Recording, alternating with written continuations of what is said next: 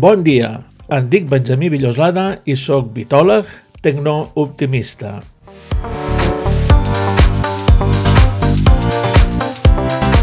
Benvinguts en el vuitè capítol de la quarta temporada que van gravar amb en Jordi Parraguirre el 25 de novembre de 2022. Sí, sí, de, de l'any passat.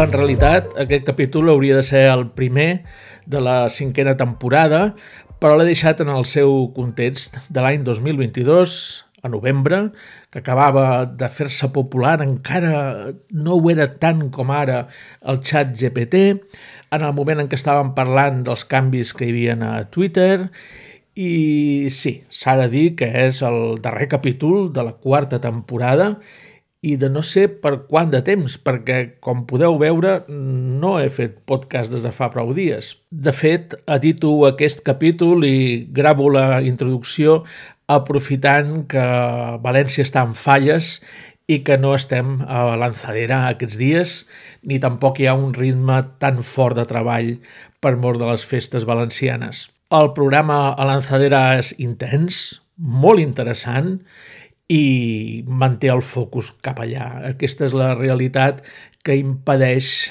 fer altres coses amb la qualitat que trobo que necessiten i per això projectes secundaris com el podcast o bé publicar eh, a Via Empresa, que els hi dec un article des de també al novembre més o menys, tot això ha quedat en segon pla. En dic projectes secundaris, però per mi són molt importants. Necessito conversar amb gent, necessito tafanejar, veure coses, eh, repensar les històries en base al que vaig veient i que vaig aprenent i a més a més compartir-ho amb tots vosaltres en forma de podcast, en forma d'articles, perquè això també, aquesta realimentació ens ajuda a tots. Eh, no hauria d'haver dit secundari, simplement és una qüestió de focus Ara estic veient moltes coses noves a Lanzadera. Allà som moltíssimes startups. En aquest vaig d'aquest any, d'enguany, que durarà fins al mes de juliol i possiblement, en el nostre cas, estarem més temps per allà, i hem entrat 118 startups. A més de totes les que hi ha dels vaig anteriors, que vas coneguent, és molt intens. I per què no explico coses de Lanzadera? Doncs perquè s'estan fent. Hi ha un procés tot això s'està cuinant, estem aprenent moltíssimes coses i necessitem una perspectiva de no acceleració, de no estar al mig de l'acceleració per poder explicar el que estem fent, per què ho fem com ho estem fent i passarà si funciona i si no funciona també i serà una altra la història, serà un altre el relat i l'aprenentatge i el compartiré, seguríssim, però ara no és el moment. I per si no fos prou novetats, eh, m'he passat a MacOS, estic amb un MacBook Air. Vaig voler provar el GarageBand, que és el que me diu tothom que he d'emprar per editar i no tenia tampoc el focus per aprendre un software nou. Al final he tornat a instal·lar l'Audacity. I què passa? Que viatjant, anant i venint, el dia que no et falta el micròfon, et falta el ratolí, encara que he descobert amb aquesta edició que me va millor amb el trackpad que no amb el ratolí amb l'Audacity tot el que sigui millorar a l'Audacity, que és un programa molt eixut, és benvingut. Doncs ara poder, el pròxim capítol serà una mica més fàcil d'editar amb el nou ordinador després d'arxivat l'opció GarageBand que la deixo oberta perquè segurament en aquests moments eh, n'hi haurà més d'un maquero que estarà dient estàs boig de continuar l'Audacity. Bé, en definitiva, que els canvis m'agraden molt, m'hi fico i m'ocupen absolutament tot el focus. És el que té canviar. Anem cap al capítol d'avui. En Jordi Parraguirre ve perquè durant tot l'any 2022 es va parlar molt del Web3 i dèiem que el volíem perquè necessitem una internet descentralitzada i vaig pensar que internet ja ho és i que qui possiblement ho podia explicar millor és Sant Jordi. Ell coneix a fons la tecnologia que fa que internet sigui descentralitzada per natura, per essència, que són els dominis. Va ser el primer gerent de la Fundació .cat i ara és l'Innovation Manager del domini .eu. no m'agrada quan apareix una nova tecnologia el que fan prou tècnics, que és dir que això ja existia en el meu temps i es deia tal. No, avui no venim a dir que el Web3 ja existia sempre, des de sempre a internet i que es deia el sistema DNS. No es tracta d'això, perquè les coses mai no són iguals, perquè sempre canvien amb el seu moment i amb la tecnologia que es pot utilitzar en aquell moment. Així que el Web3 no és l'equivalent del DNS ni molt menys. El que fem és reflexionar sobre la internet descentralitzada. Aquesta, que ja tenim des de sempre, i que no ha acabat de funcionar. Per què? Possiblement tots els errors que hem comès amb els dominis, si no els cometem amb el Web3, realment tindrem una internet descentralitzada, però d'una altra manera. A la conversa, en Jordi, per exemple, diu que està interessat en què passarà amb l'IPFS i no hi aprofundim. Per això ho dic ara, com a notes de l'episodi eh, s'esmenta IPFS i no hi entrem i és molt interessant per si voleu mirar-vos-ho pel vostre compte. Però bé, això és més tècnic. Pel públic en general parlem de les corporacions. Si internet no és fàcil de centralitzar a la pràctica i tot acaba en mans de corporacions grosses, com ens hem de mirar les corporacions, com les hem d'analitzar. Intentem fer una mica de cultura corporativa perquè si coneguem, coneixem una mica millor com funcionen les corporacions, poder serem més àgils a l'hora de pensar una nova internet. I en aquells moments, el novembre del 2022, que sembla que faci moltíssim, eh, Twitter era un, una de les corporacions que estava en dubte perquè passava a les mans d'Elon Musk altres coses de veure una conversa en perspectiva. En algun moment parlem de la intel·ligència artificial aplicada als dominis i com a mànager d'innovació de Puneu, en Jordi estava aplicant intel·ligència artificial amb el domini Puneu. I explica coses molt interessants que han fet i en consta, perquè ho ha tuitejat i ho ha dit després, que amb l'esclat del xat GPT moltíssimes coses han canviat i s'han accelerat i en aquell moment ens parla de programari lliure que utilitzava projectes que ja tenien un parell d'anys, doncs en aquests moments eh, possiblement podríem fer un, un ressupor d'aquest capítol explicant com en Jordi Parraguirre ha canviat coses en el domini Poneu gràcies en el xat GPT.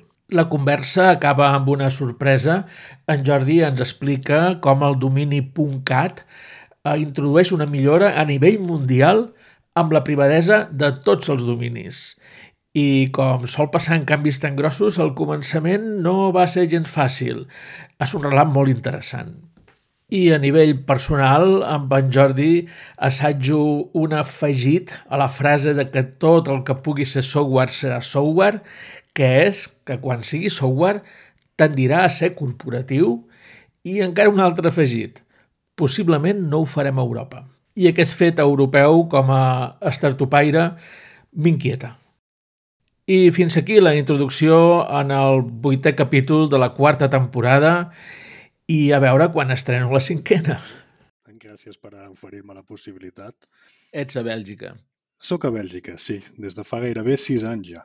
Sí, sí. No, no té, ja, ja estem gravant, no sé en el moment en què això començarà ja a ser oficial o, o, o no, Eh, ja te presentaré al, al començament amb la introducció que fem a Sant Jordi Parraguirre. I, i amb tu tenia moltes ganes de parlar perquè coneixes a fons qüestions bàsiques de, de l'estructura d'internet. I, I ara que estem en un moment, diuen, de pas del web 2 cap al web 3 i que volem que sigui més descentralitzat. Ens agradaria que fos més descentralitzat.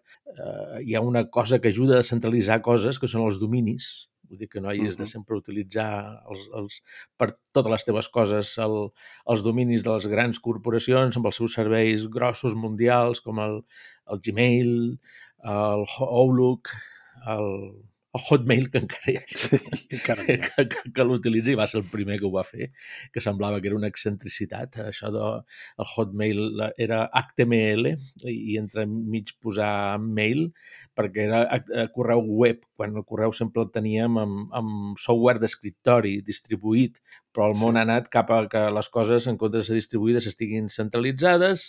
Quan estan centralitzades tenen els dominis de les corporacions que ofereixen el servei, eh, pagant te permeten tenir el teu propi domini, però al final continues utilitzant el, el mateix servei i, i ara volem que sigui descentralitzat. Llavors, en teoria, si tens un domini propi, te n'hauries de poder anar a un altre lloc i muntar-ho per tu pel teu compte i llavors ja seria distribuït una altra vegada. No? Tots tindríem el nostre servidor de correu i ens passaríem el dia mantenint el servidor en comptes d'escriure i llegir correus. Però bé, aquesta és una, una història que, de, de la qual m'agradaria parlar per saber com, com ho veus.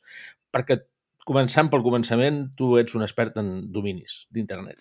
Bé, més que expert, porto molts anys treballant en el sector i vulguis que no, doncs poquet a poquet em vas aprenent, perquè com tothom vaig començar, allò tires a la piscina sense saber ben bé com funciona aquesta indústria, no? Però sí que he tingut la sort doncs, de, de conèixer molta gent que en sap i bé, anar-ne aprenent.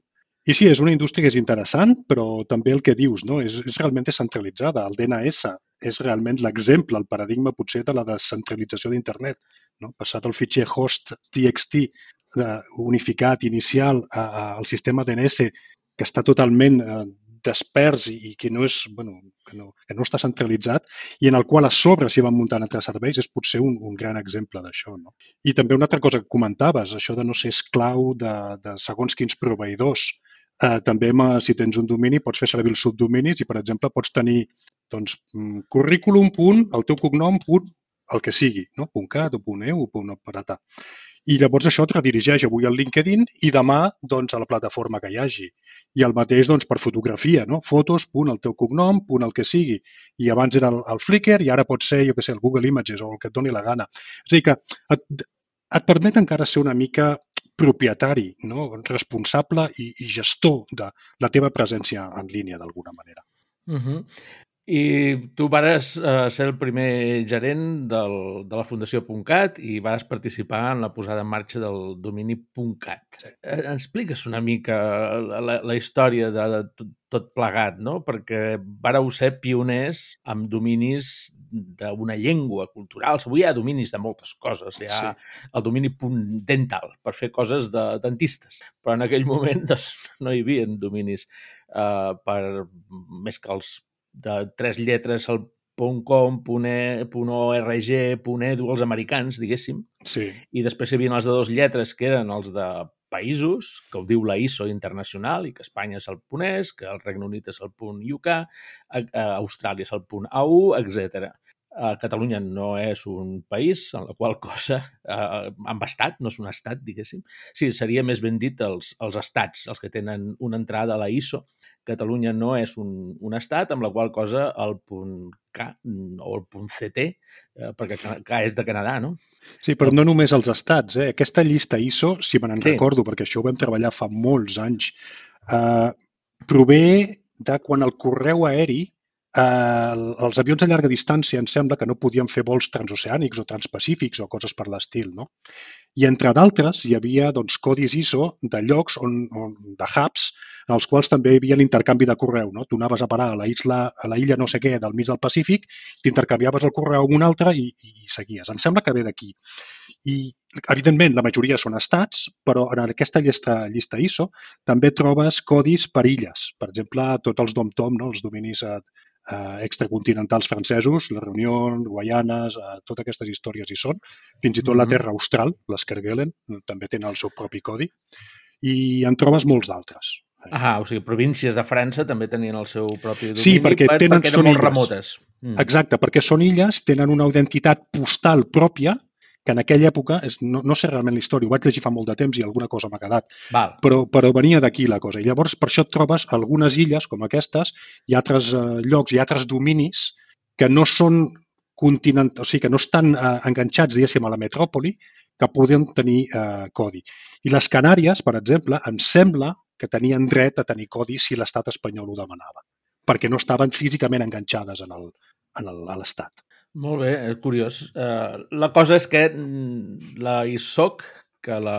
O no, és l'ICANN en aquest, en aquest ICANN, cas, que, que ho regula la Internet Computers and Numbers, ICANN, és la qui regula aquest, aquesta cosa i, i durant molts anys doncs, hi havia els, les tres lletres de, dels Estats Units, amb el com el més popular. També el net s'utilitzava molt per coses d'internet mm. i aquestes altres dues lletres. I vosaltres vareu sí. estrenar una cosa que no, no existia. Vau ser els primers o dels primers? Quan a, a domini eh, cultural i lingüístic, perquè es va definir així, vam ser els primers. Vam ser els primers. Tot i, bé, tot i que la idea de tenir un domini propi per l'àrea catalanoparlant en general és, és força més antiga. Estem parlant dels anys 90, a meitat dels anys 90 hi havia un grup de gent que estava investigant si es podia fer servir el CT, si sí, si no, es van provar diferents alternatives i va ser a, a través de l'Amadeu Abril que ell ja estava molt interessat en, en aquests temes de, de tecnologia i dret que va veure, i, i en el tema aquest en particular, que es va veure que eh, als Estats Units estava eh, canviant una mica la manera en la qual es, es anava a organitzar tot aquest sistema de eh, d'etiquetes, de, de, de noms. No? ICANN és això, és Internet Corporation for Assigned Names and Numbers. Val. I, i ICANN el que va fer va ser incorporar eh, eh, el, el que era, i és encara, IANA, que IANA era, és, abans era el despatx del John Postel, no? que amb una llibreta anava apuntant doncs mira, el John Smith li dono el punt eh, UK perquè gestioni els, els dominis del Regne Unit. En el Pere Cullera li dono el punt no sé què perquè gestioni els dominis de tal altre país. No? I això, evidentment, es va anar complicant, i les adreces IP i, i molta cosa més. I llavors, al final, doncs, va ser ICANN, també a través de la mort del John Postel es va morir en una, en una operació, en un postoperatori, d'acord? I, i, I bé, doncs, ICANN va agafar aquesta responsabilitat i a partir d'aquí es va començar a discutir doncs, com s'anava a gestionar allò, no? qui tenia dret doncs, a entrar un nom, què passava si canviava de propietari o no, qui ho gestionava, qui no, quines eren les reis, els preus.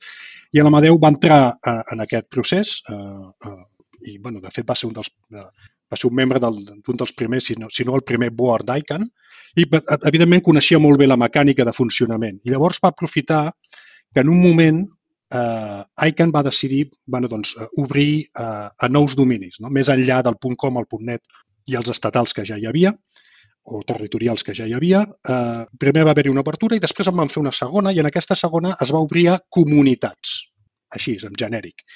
I la idea brillant aquí és aquesta, home, la comunitat, la comunitat catalanoparlant, val?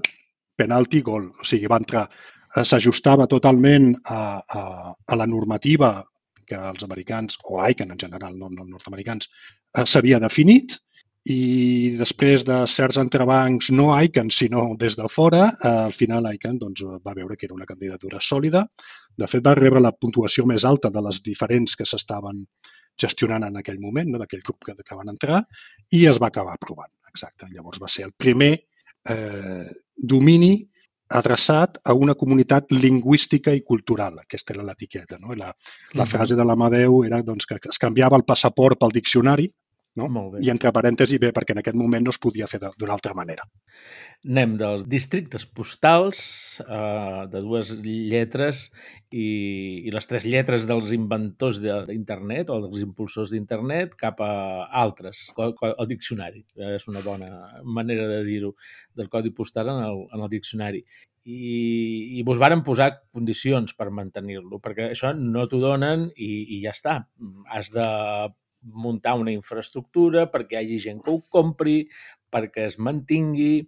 En el moment en què ho poses a la venda, doncs haurà cua per comprar paraules que sonen més bé, això s'ha de gestionar i aquí crec que ja vas entrar tu en escena. bueno, encara no. Eh, tot el procés inicial de, de definir la infraestructura, fer la candidatura, jo encara no estava involucrat. Eh, senties veus, no? perquè bueno, coneixes més o menys el món i sembla que es feia alguna cosa, però es va portar molt bé, es va portar molt discretament i es va presentar una candidatura molt sòlida, molt sòlida, gràcies, entre d'altres, doncs, bueno, entre d'altres, doncs, l'Amadeu coneixia molt bé com funcionaven els, eh, el sistema d'ICANN, coneixia gent que podia portar la infraestructura, que en el cas de, de per.cat va ser Core, una, una entitat eh, basada a Suïssa, que portava ja serveis per registres i registradors i tal. Per tant, eh, conjuntament es va muntar una candidatura, eh, evidentment, doncs, eh, per complir les condicions del plec de condicions que ICANN va posar a tothom, eh, que evidentment han d'explicar doncs, això, no? què faràs, a qui s'adreça, de quina manera, eh, si tens els recursos, quin sistema d'infraestructura doncs, tindràs, etc etc etc. I es va acabar guanyant. Es va guanyar, tot i que eh, va haver-hi algunes coses, eh, alguns punts eh, no, no esperats, no? diem d'alguna manera, o no esperats si el procés hagués estat normal, esperats quan bé, estàs en el món catalanoparlant i sempre saps que hi haurà algú que tard o d'hora vindrà a fer la traveta. Som molt, perdó, som molt eficaços tenint un problema per cada solució. També hi ha gent que ens busca sempre les pessigolles i llavors, doncs, eh, bé, no s'ha d'estar al tanto. És a dir, és una cosa que si tens els dits de front saps que acabarà passant, perquè hi ha gent que no, no pot suportar doncs, que hi hagi el català sigui present a internet, per exemple, o altres coses, en altres àmbits. I, per tant, doncs, eh, una de les coses que es va demanar al PUNCAT que no estava en el plec de condicions era a veure doncs, eh, si eh, hi hauria algun tipus d'oposició d'un estat. Val? Així, en genèric i tal. Eh, bé, bàsicament perquè ICANN no s'esperava això de Catalunya.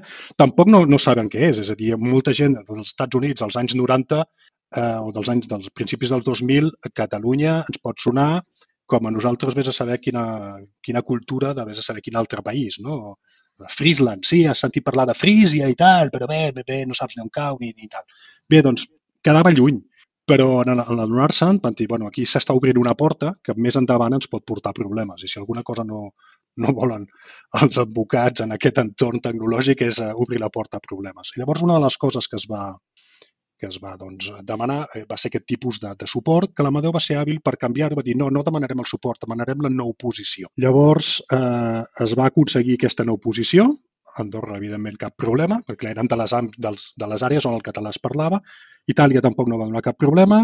Eh, França volia oposar-se o volia dir la seva, però com que en aquells moments el català no tenia cap estatus a França, se'ls va deixar de banda i no van poder opinar i el govern espanyol en aquells moments estava, em sembla que una transició del Partit Popular al, al PSOE o una cosa així.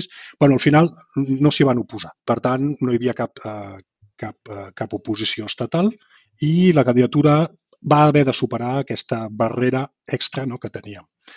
Després també vam tenir la mala sort que un company de viatge no, dels altres eh, dominis que demanaven Eh, ser autoritzat. En aquell moment era el triple X per a la indústria pornogràfica, cosa que als Estats Units en certs sectors va causar un escàndol brutal, hi havia molta oposició i tal, i llavors fins i tot el board ICANN, alguna, quan ja esperàvem que hagués d'aprovar el .cat, eh, bé, donat que no volia, no tenien problemes legals per aprovar el, el, el domini .xxx, per no fer-ho tan evident, van enredarir no només l'aprovació la, del triple X, sinó també la del .cat. No? Ens van posar en el mateix sac perquè no fos tan evident aquesta pressió del govern dels Estats Units, exacte, el govern del, del Bush en, en aquella època, i bé, tot el, tot el sector més conservador nord-americà, que això era un, un desastre pel món. No? I després encara n'hi va haver d'altres, és a dir, un cop ja va estar aprovat per, el, per ICANN, i per tant ja teníem el permís per començar, va haver-hi certs moviments diplomàtics per intentar eh, que ICANN es fes enrere i bé, afortunadament no van progressar perquè el que tenien clar ICANN és que si hi ha una normativa i s'ha complert la normativa, s'ha acabat, és a dir, això és així. I a més a més perquè eh, si tens una carta de, sub, de no oposició del govern espanyol, que fa un diplomàtic oposant-se en aquesta carta. O sigui, què m'estàs dient? Que tu en saps més que el govern eh, i, per tant, eh, no, no, no va prosperar. Però, com, bé, com veus, sempre hi ha eh, un punt més. I llavors sí, llavors ja, afortunadament, es va, es va aprovar al setembre del 2006, va entrar a l'arrel al desembre del 2006 i el 14 de febrer del 2007 començava amb el que se'n diu el Sunrise, que és el període d'inici. Del... Què, què és entrar a l'arrel? Entrar a l'arrel és que posin el teu domini, en aquest cas el CAT, en el DNS de més jerarquia de tots vale? els que controla, els que controla, dels quals ICANN té la, la, la, la responsabilitat, o IANA té la responsabilitat, però de fet no són només d'ICANN i IANA. Eh, si mires els diferents eh, DNS de, de l'arrel, n'hi ha alguns doncs, que pertanyen al, al govern dels Estats Units o certes empreses, és a dir, que està distribuït. Però bé, el concepte és estàs a dalt de tot i, per tant, quan tu puguis entrar un domini xyz.cat Això, si no el va trobant en els diferents DNS, perquè és un sistema diguéssim, jeràrquic, se'n va al de dalt de tot, al root, no? l'arrel, el que té més autoritat, diu, escolta, tu, coneixes .cats?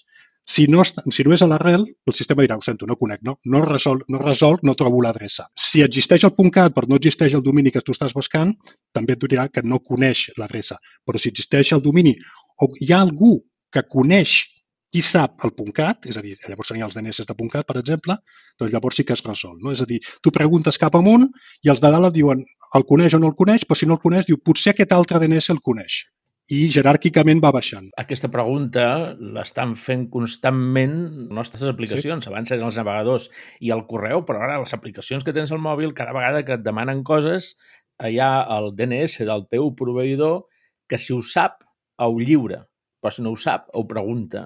I, I se va preguntant de forma jeràrquica fins que arribes en aquests servidors root o arrel de dalt de tot, que sí. són els que allà se donen d'alta les, les coses. I, I es van propagant. Vull dir que quan ho, ho ha preguntat el teu proveïdor de, de connexió, s'ho guarda les hores que també diu el propietari del domini.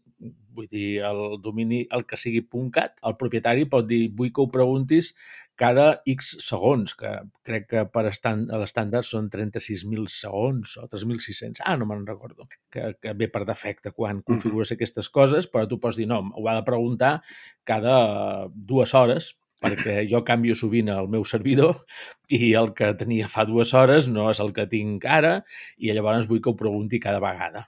I pots fer que no, que ho pregunti una vegada a la setmana, etc. I tot això ho estem fent constantment a internet. Vull dir, els servidors DNS són els que estan eh, fent que sigui amigable un protocol que és el TCP/IP, que va per numerats, que realment és molt distribuït. Molt, Tot moltíssim. és moltíssim. Està repartit entre molts de servidors i, a més a més, dins de cada servidor hi, hi ha molt de software de molts proveïdors, de molts de clients diferents, de moltes persones i que és absolutament variat, eh, coses que tenen molta càrrega, coses que en tenen poca, eh, si en tenen molta càrrega ho tornes a distribuir, fas que aquella cosa estigui a un altre IP, en un altre lloc, en un altre servidor.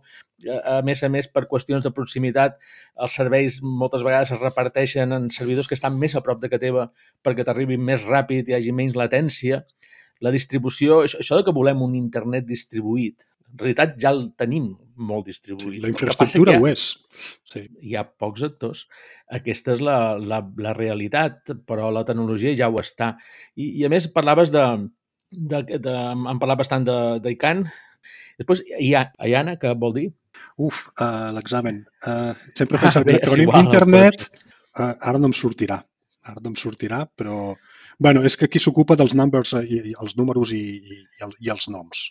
Uh, RIPE, que sí. se n'encarrega d'adreces IP, i crec que a Europa està distribuït també això. Mm, les, les adreces IP, qui te les dona, mm, no és una cosa que, que mm, la tinguis de forma automàtica. Vull dir, quan te connectes a internet tu tens una IP, però sí. aquesta IP, per exemple, te la dona Vodafone perquè Vodafone ha aconseguit, ha comprat una sèrie d'IPs i en el cas de, de l'estat espanyol es compren a RIPE si no, no les, no les tindries. I també hi ha algú que administra aquesta, aquestes IPs.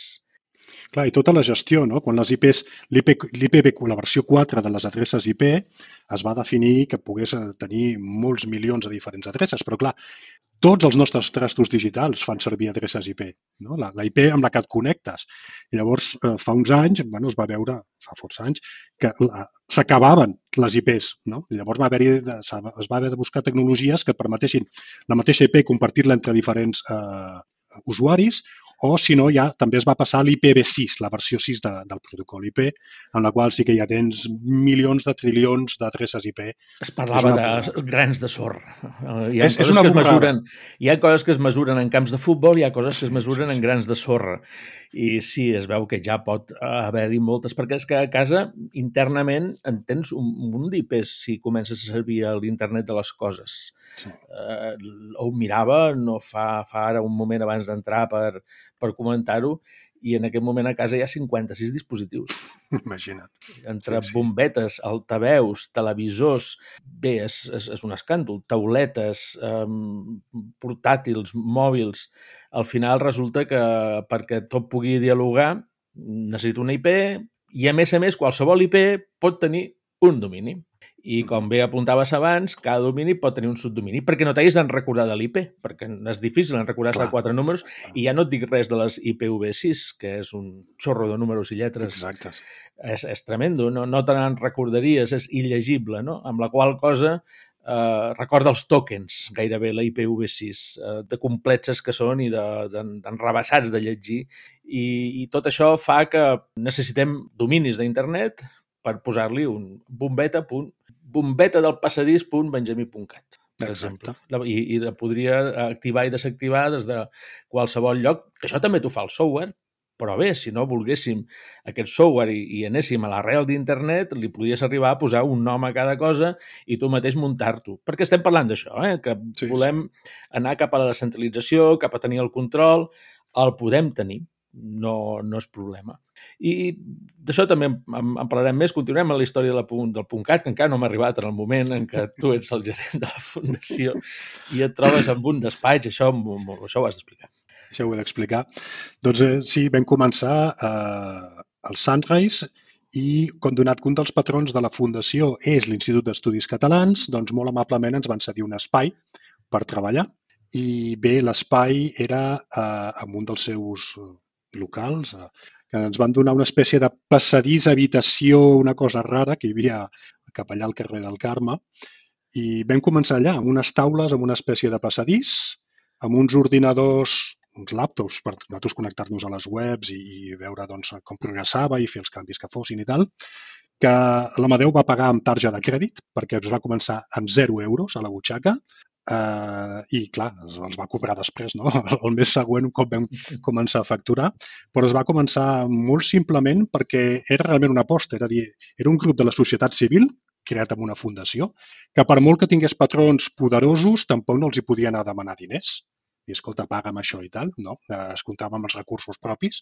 Els patrons eren per ajudar a, a la difusió, per ajudar a la capilaritat de tot plegat no? i per representar realment doncs, la societat catalanoparlana a, a la Fundació.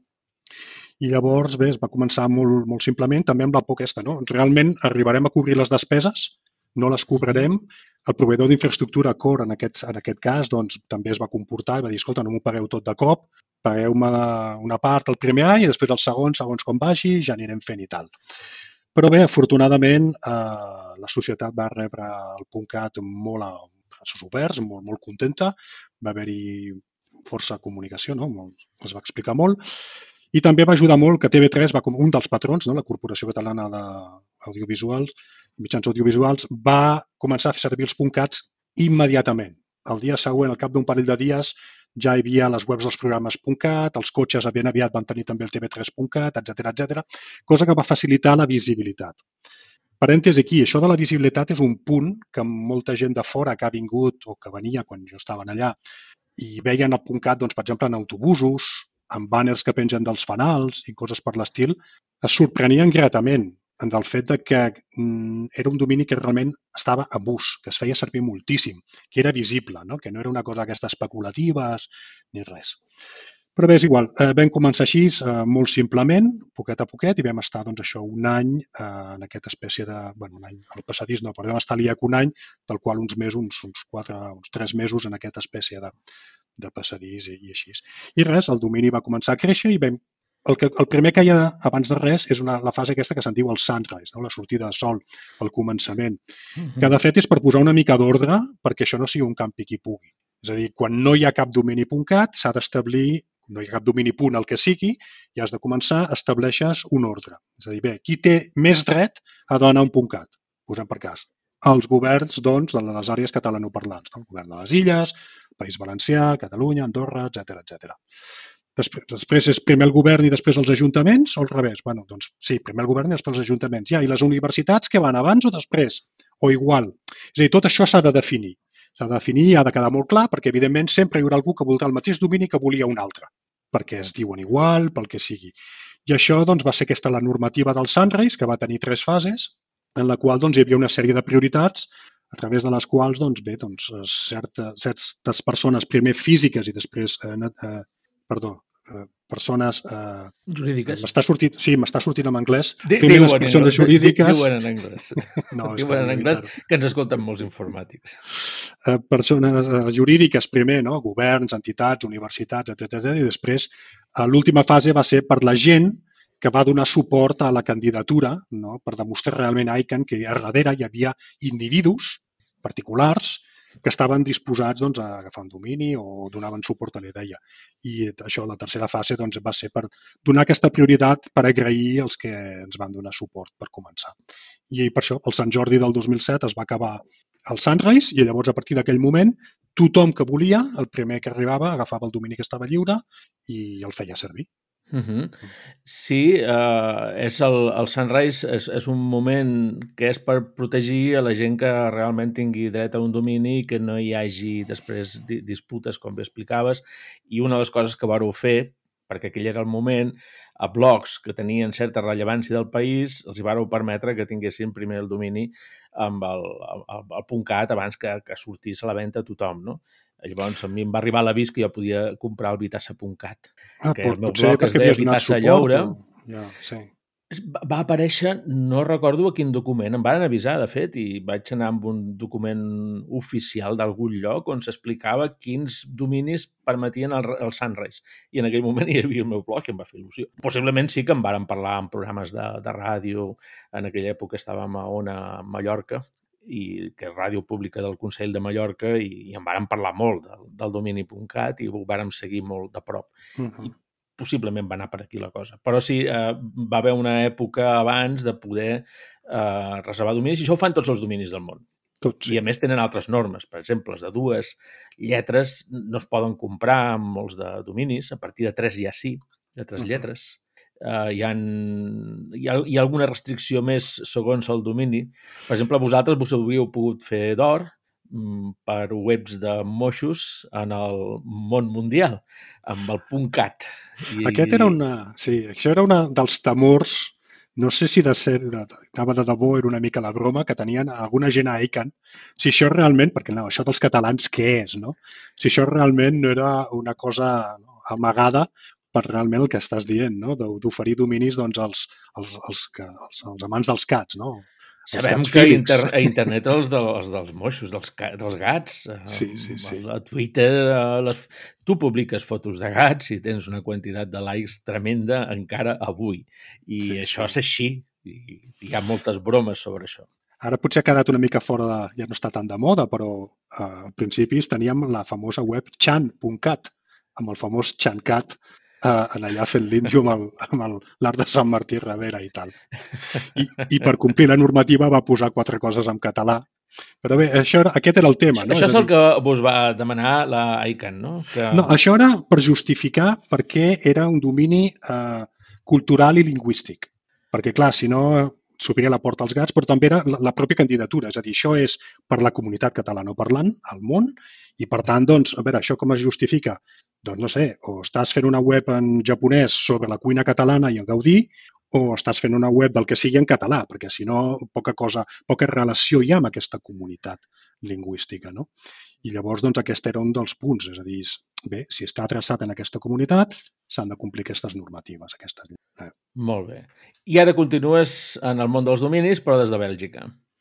Exacte, sí, sí, fa sis anys que paro per aquí dalt i bueno, estic treballant a Jurit, que és qui gestiona en nom de la Comissió Europea el PUNEU per a les empreses i ciutadans europeus, bueno, residents a la, a la Extended Economic, a l'àrea econòmica extesa o els ciutadans europeus visquent arreu del món. I què tal? Xifres, repercussió, hi ha efecte al redador del domini Puneu? Perquè em penso que els europeus som una mica desafectes en general amb la cosa europea. Va, sí, a veure, tenim de l'ordre uns 3,7 milions de dominis de gestió, Ah, no és el més gran d'Europa, val a dir-ho, però és cert, és, és, a veure, un domini es fa servir perquè d'alguna manera t'identifica tu en el món digital. No és la teva etiqueta. Igual que et poses un adhesiu al cotxe, te'l poses per alguna cosa. I el punt EU, doncs, a vegades va a batzegades de la política europea. I en certs països també, no? Hi ha més apreci o, o desapreci no, per la política europea, sí o no, m'identifico o no m'identifico, o el meu domini en el meu estat o la meva ciutat, no? un punt cat, un punt Barcelona, ja estan agafats, què em queda? Un punt com també ha estat agafat, em queda un punt no sé què, no m'agrada, eh, puc agafar un punt EU. I a vegades, bueno, tenim mires, no?, que pot ser la segona opció si l'altra ja està agafada. Llavors hi ha aquest doble factor. D'un costat, la identificació amb el que pot significar Europa, per tu i també pels teus clients. I després, doncs, això, si el trobes o no el trobes, eh, és massa amunt, no? Europa encara es veu molt lluny eh, uh -huh. i no, bueno, la, normalment tothom s'estima més alguna cosa més propera. I l'aparició de tants i tants de dominis uh, des del punt guru fins, com deia abans, al punt dental, passant per... No, no sé, n'hi ha una barbaritat. Cada dos per tres veus que hi ha algun domini que no havies vist mai amb alguna adreça. Sí. Fa que el tema de que ja està ocupat cada cop es doni menys. Sí, tens més diversitat i hi ha doncs, realment dominis doncs, que et poden identificar més. No? Si ets dentista un punt dental, segurament t'identificarà molt més que no pas el de la ciutat o el del país o el que sigui. Ja està dient clarament quin és el teu negoci. No? Per tant, és això, és intentar veure quines opcions satisfan més la, la necessitat de tens de comunicar què ets o qui ets o què fas a, a internet, en el món digital.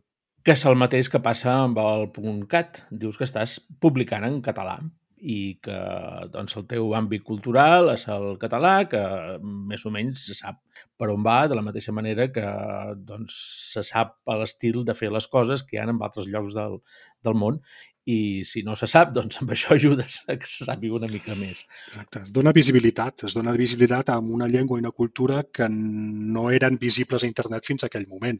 Ara, evidentment, hi ha llocs del món que segueixen sense tenir visibilitat cap a aquest àmbit perquè no els importa. La gent d'Indonèsia sobre Catalunya no tenen gaire res a pelar, no?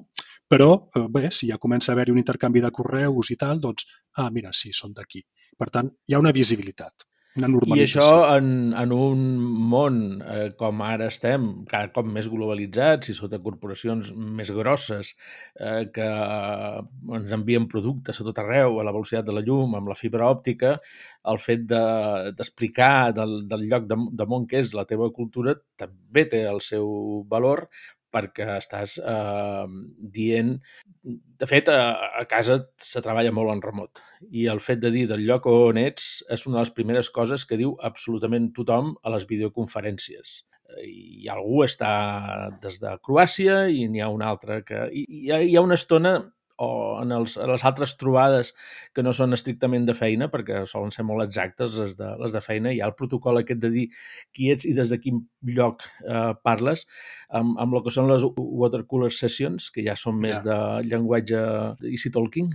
El, el tema de on és cadascun és el, que, és el recurrent i de preguntar, i, i ara mateix doncs, als Estats Units hi ha un festival amb el Thanksgiving, amb l'acció de gràcies, i, i, i això continua funcionant. Llavors, saber que quin és l'entorn, el context de cada persona segons el lloc del món i la seva cultura, això, per molt globalitzats que estiguem, continua tinguent un valor tremendo i, i, i d'això doncs, la prova és que en parlem moltíssim. No? Sí, sí, sí.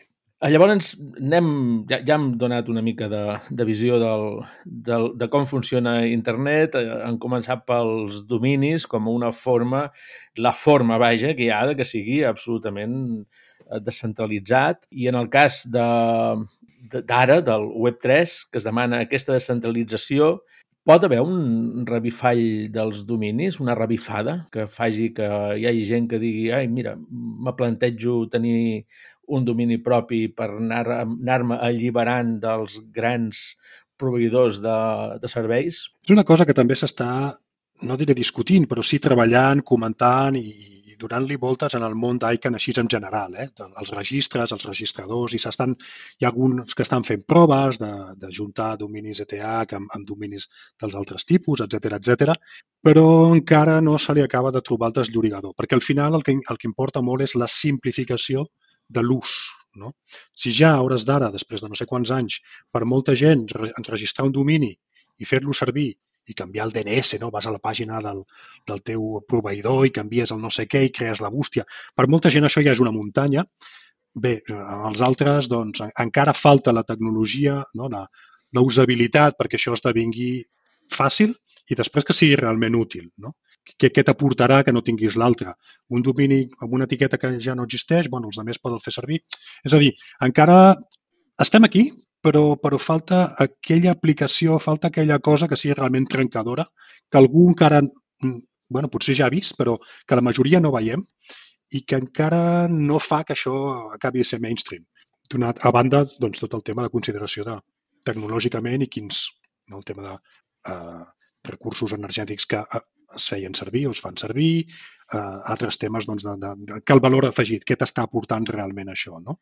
Igual que hi ha gent que a Twitter es posa el punt ETH no? per dir, ei, jo sóc modern, estic aquí, faig servir aquestes tecnologies, o ara es posen el mastodon.social o el que sigui. Bé, doncs els dominis també són això i, i aquí estem, acaba de trobar aquest desllorigador per realment que esdevingui mainstream. Jo no ho veig molt clar, això de la Web3, personalment, però en canvi el tema de la IPFS sí que la veig molt més clara. No? El tema d'aquestes redundàncies de la web distribuïda en continguts que no saps on són i tal, aquí sí que hi ha un punt molt interessant a desenvolupar, que queda fora del nostre àmbit de registre, perquè el registre només apunta qui és el titular d'aquest domini i no fem res més. Uh. -huh. Queda lluny, però, però és un àmbit molt interessant a, a investigar dintre d'aquesta indústria extesa de dominis, registradors i hosting, no? I després anticensura sí. i tal.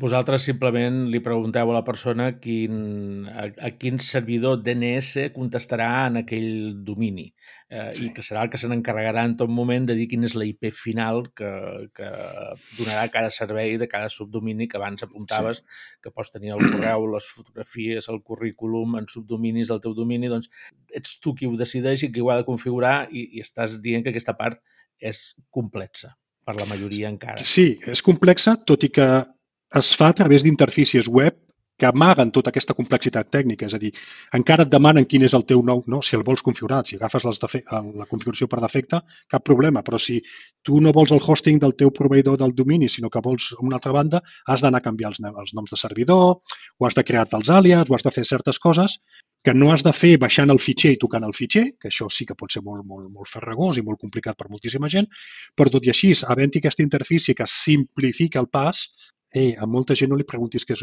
has de canviar el, nom, el, el, el name server. Uah, tio, què m'estàs dient? O sigui, però és com dir, has de canviar les bugies del cotxe. Dir, no m'atabalis, tio. Vull dir, no, no, sí, no, no, no soc jo qui ho ha de fer. De fet, eh, he vist casos amb gent que es dedica a fer webs i que tenen un lloc en el qual pengen totes les webs i com en el moment en què pengen una web també compren un domini, he trobat, m'he trobat en casos de, de gent que té el correu amb, amb un domini que li vaig muntar jo en el seu moment, fa anys, quan muntava servidors web, i que ara, ai, perdó, servidors de correu, i que ara s'ha fet una web, i que la web té un altre domini, sí. perquè la van carregar amb algú que feia webs, no sabria què fer amb el seu domini de correu perquè també funcioni la web, que és força trivial quan t'hi dediques, però que a la majoria de la gent no li, no, no li interessa. I és que, a més a més, quan els hi dius, dius, ostres, això podies haver fet d'aquesta altra manera, te donen tota la raó i t'ofereixes a fer-los tu de franc, però després ni de franc te demanen finalment mai que ho facis, perquè realment no els hi preocupa. No. Això ho explica molt bé un, un llibre que cada vegada cito més, perquè serveix per moltes coses de la vida, que és The Mom Test, el test de la mama.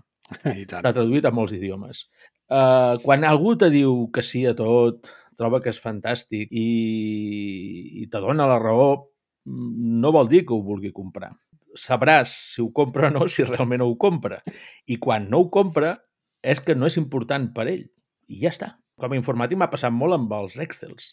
Trobes que hi ha gent que, mentre està amb un Excel que se li va fer molt gros, el maleix, tem que es perdi, que se li corrompi, té no sé quantes còpies de seguretat, bé, pateix per aquell Excel. I li dius, per què no fas un programa a mida? com a informàtic era una de les ofertes que sovint feia. Quan un Excel és per una cosa eh, esporàdica està bé, però si és una, un tema que hi has de treballar tots els mesos per fer, jo què sé, liquidacions del que sigui, tresoreria, munta un programa de tresoreria. I el sí, programa sí, de tresoreria sí. no te'l demana mai.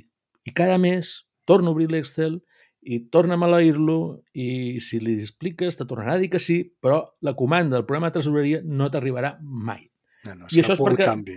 Eh, és, són molts factors. El que te diu el llibre de Montest és que te n'oblidis. Sí, sí, sí. No, no el canviaràs. I és que, a més, eh, si insisteixes, t'enviarà a, a purgar fum. La qual cosa, la, la, la cosa és observar què fa la gent i realment eh, eh, detectar el que és important per la gent i allò sí que t'ho compraran. Però no, no, no, no, no és important per, per la gent. El tema dels dominis és una cosa que hem de donar compte.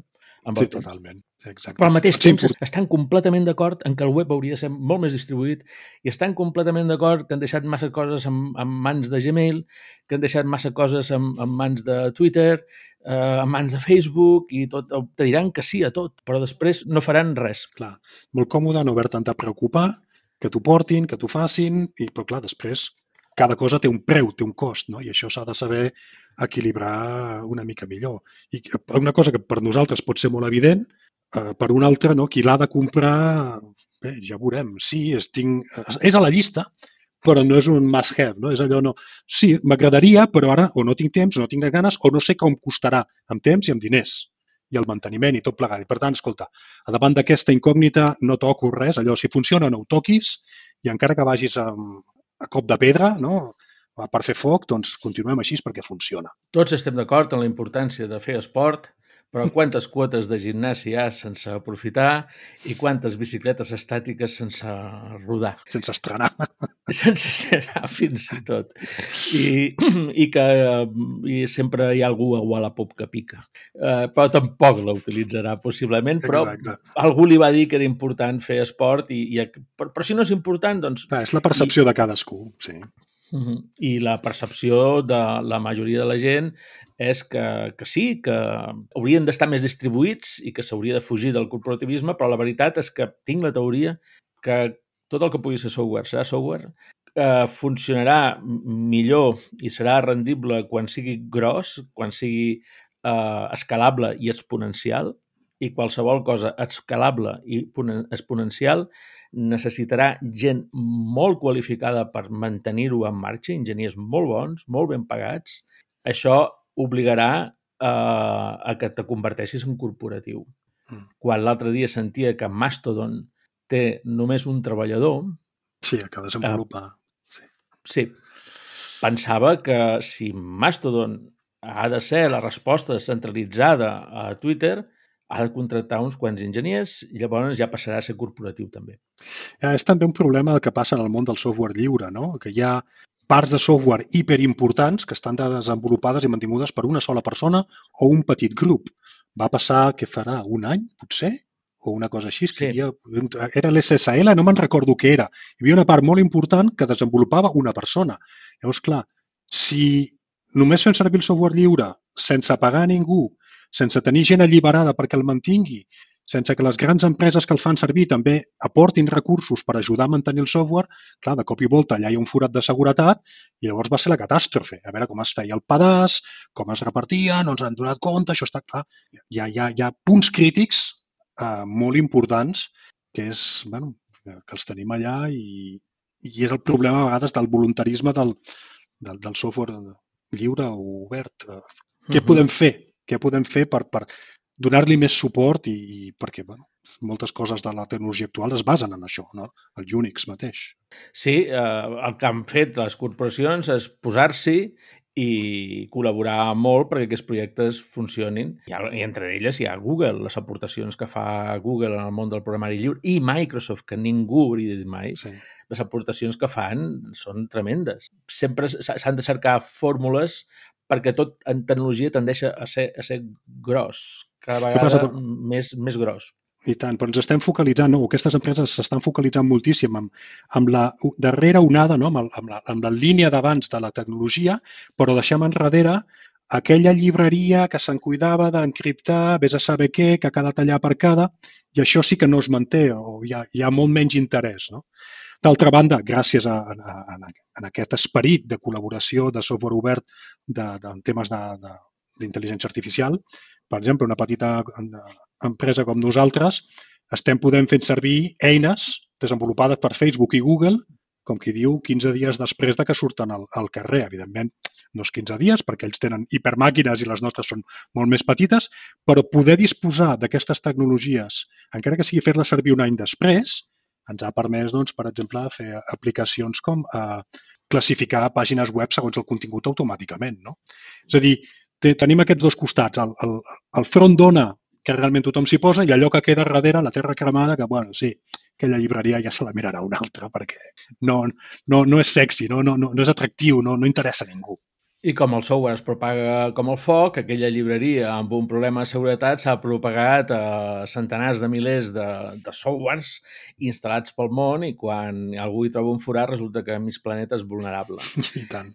Per això, la part de distribuïda té, té aquests riscos amb, si no es cuida molt bé el, el, el desenvolupament i sobretot la producció i el manteniment. Perquè moltes vegades es parla del, del software, com deies, eh, també Meta Facebook allibera moltes coses eh, prou interessants d'intel·ligència artificial i de moltes més coses. Ha fet uns, unes millores tremendes en el MySQL també. Uh -huh. eh, col·labora molt amb, amb la comunitat del, del programari lliure perquè ells l'utilitzen moltíssim i el que passa amb, amb aquests softwares que existeixen i que estan a la nostra disposició per baixar-los és que si no tens ningú que els pugui tenir en producció i no tens ningú que els pugui mantenir amb, amb la seguretat, és com si no tinguessis res. O, o si tens alguna cosa, tens una caixa de bombes. I tant. I tant. Perquè amb software i només software es fan molt poques coses. El software és el mateix, depèn de com està en producció, doncs tens un Facebook i depèn de com està en producció tens un servidor per la teva empresa que provoca molts de mal de caps. Exacte. Al final són les eines, no? Són les peces de Lego que et permeten muntar una cosa o una altra. I segons l'habilitat que tens en muntar això a partir de la, del que hi ha a l'entorn, doncs tindràs un, una, un edifici sòlid, no? una, una estructura sòlida, un altre que, que és de que empenja despenja. Per tant, exacte, el software és allà, afortunadament hi tenim molt, accés molt fàcil, el programari lliure, però cal la gent, cal el coneixement per poder muntar estructures sòlides i competents. I tant. El, sovint es diu, hi ha software d'educació lliure eh, com el Moodle. Per què hem d'utilitzar el Classroom de, de Google? I dius, val, d'acord, eh, però tenim gent que pugui tenir un Moodle en producció, per exemple, pel Principat, que entre les 9 i les 9 i mitja del matí hi ha un milió i mig de persones que fan login, que entren allà de dins? Eh, no. Vull dir, tenir el, el software lliure no significa que tu tinguis una infraestructura de, de, en producció, o sigui, un data center, servidors, enginyers eh, que siguin capaços d'automatitzar i d'optimitzar i, i de detectar on estan els errors, els problemes, on estan els, els colls d'ampolla, on hi ha els embuts per, per evitar que en moments de molta càrrega allò deixi de, de funcionar Mm. Això no és gens fàcil de tenir. En canvi, tenir una còpia del Moodle és, és molt ràpid. I sí, d'instal·lar-lo també és molt ràpid. Però mantenir-lo, que funcioni, és un dolor. Sobretot quan estàs donant servei a milions al mateix temps, que és en el que s'està atendint amb, amb els dispositius en els quals no instal·les res, que tots és SaaS, tots són serveis uh, en el web.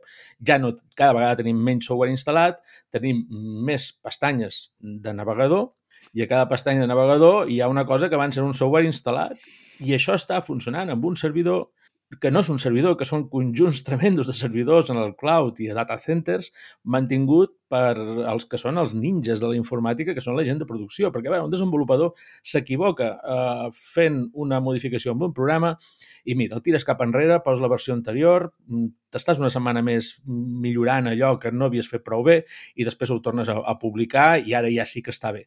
Vull dir, tens, com a desenvolupador tens molt, molt de marge, però en producció, quan una cosa falla, si no torna a funcionar en, en 3 minuts o 4, la clientela es queixa.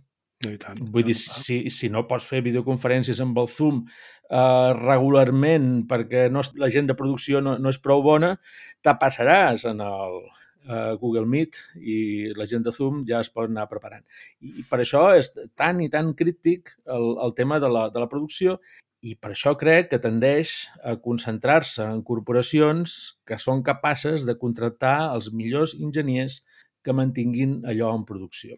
Ah, és, és, una, és una teoria. Que és l'escalabilitat tinc... que deies abans, és a dir, per un Google, posem per cas, que estaves parlant ara del Google Classroom o el que sigui, ves que aquests enginyers es dedicaran a això i faran altres coses. Potser per un govern o per un departament d'educació els tindré aquí puntualment, però després, o sigui, s'haurà d'organitzar de manera diferent, no? I llavors tens l'altre costat, és des del punt de vista de finances, no té un cost fix, té un cost variable, ho subcontracto algú i al carrer. No? I a vegades aquesta mentalitat també, sí, financerament pot ser molt, està molt optimitzat, però el, el servei que pots tenir després o les implicacions, no estic parlant d'aquest cas, en general, no? Mm, com poden anar. És a dir, que a vegades les coses, mm, a vegades no, sempre, no és tan fàcil tot com sembla. No. De fet, amb els governs se subcontracta perquè els llocs de producció, i això ho he patit en persona, Clar. eh, són llocs base, mal pagats, Clar. Que s'alimenten del bursí, que en el bursí no hi ha gairebé informàtics perquè tots tenen feina, bona feina. Si n'hi ha algun que s'apunta és perquè diu, mira, treballaré fins a les 3. A més, doncs, tindré conciliació familiar i tindré una sèrie d'avantatges per treballar a l'administració i prefereix treballar a l'administració que no treballar per una empresa que li pagarà una mica més, però eh, poder plegarà cada dia a les 8 o a les 7 de la tarda. I això hi ha gent, que, però és, és mínima, és, és molt poca. I a més a més, quan entri pel Bursí, en aquella plaça de lloc de producció podria estar un any, perquè el normal serà que vulgui anar fent carrera dintre l'administració en altres llocs per, per anar mm -hmm. progressant. I els llocs de producció, de desenvolupament, són llocs base la qual cosa constantment estàs perdent a la gent i no pots fer l'expertise de, de, de persones amb molta habilitat, que com abans he dit, són els ninjas, que han de ser capaços de resoldre un problema en molt poc temps, perquè el dia que et crea un servei de, per exemple, assistència primària, és que en els ambulatoris els metges no podien receptar coses. Així de greu. Si ja hi ha rotació a les empreses per gent que busca no només més sous, sinó també reptes més interessants i, i tal, que no hi haurà no? amb una estructura que és molt més lenta, que a més a més no hi ha possibilitat, pel que dius, no? de, de progressar. Bé, és difícil. Tècnicament el repte és bestial, no? perquè és el que dius. Tot el sistema mèdic d'hospitals, de receptes, de, del que sigui, això com, com a repte, mantenir això i fer-lo progressar és brutal, comparat amb, sí, no, jo, jo sé, estic fent un RP de vés a saber què. És molt diferent, però, però clar, no queda compensat. No? Allò, treballar per la glòria, que va deia el meu primer cap que vaig tenir, no? no treballaràs per la glòria. bueno, clar, pots treballar una temporada, però arriba un moment que hi ha reptes que, que et criden més, no? Sí, i llavors aquests llocs no tindrien tanta mobilitat de personal si haguessin complements salarials. I és una cosa que llavors entres amb una sèrie de problemes en el món eh, funcionarial molt gros, no? que és eh, és per què han de tenir un complement salarial ells i no cert altre col·lectiu i un govern és un col·lectiu que té milers de treballadors, la qual cosa qualsevol moviment, hi ha sindicats, hi ha molts problemes, funció pública s'espanta d'haver de tocar aquestes coses, és molt difícil que, que mantinguin bon software en producció els governs, i això ho dic perquè s'està dient també aquests dies que eh, per què han de tenir el Twitter amb una empresa privada? Hauria d'haver un Twitter públic. I llavors dius, ostres, primer, la feinada que haurà per desenvolupar-lo i desenvolupat poder podran agafar el Mastodon, però instal·lar-lo i tenir-lo en producció i atendre tots els milions de persones, això serà el, el primer gran, gran repte. Però després n'hi ha un altre, que demà poder la presidència és de vots. Mm -hmm i volem tenir una xarxa de converses amb missatges privats, etc, gestionat eh, amb un govern eh, feixista? Sí, sí. Aquesta. Llavors, clar, la iniciativa privada o la, la col·lectiva, no? que la gent s'organitzi, però...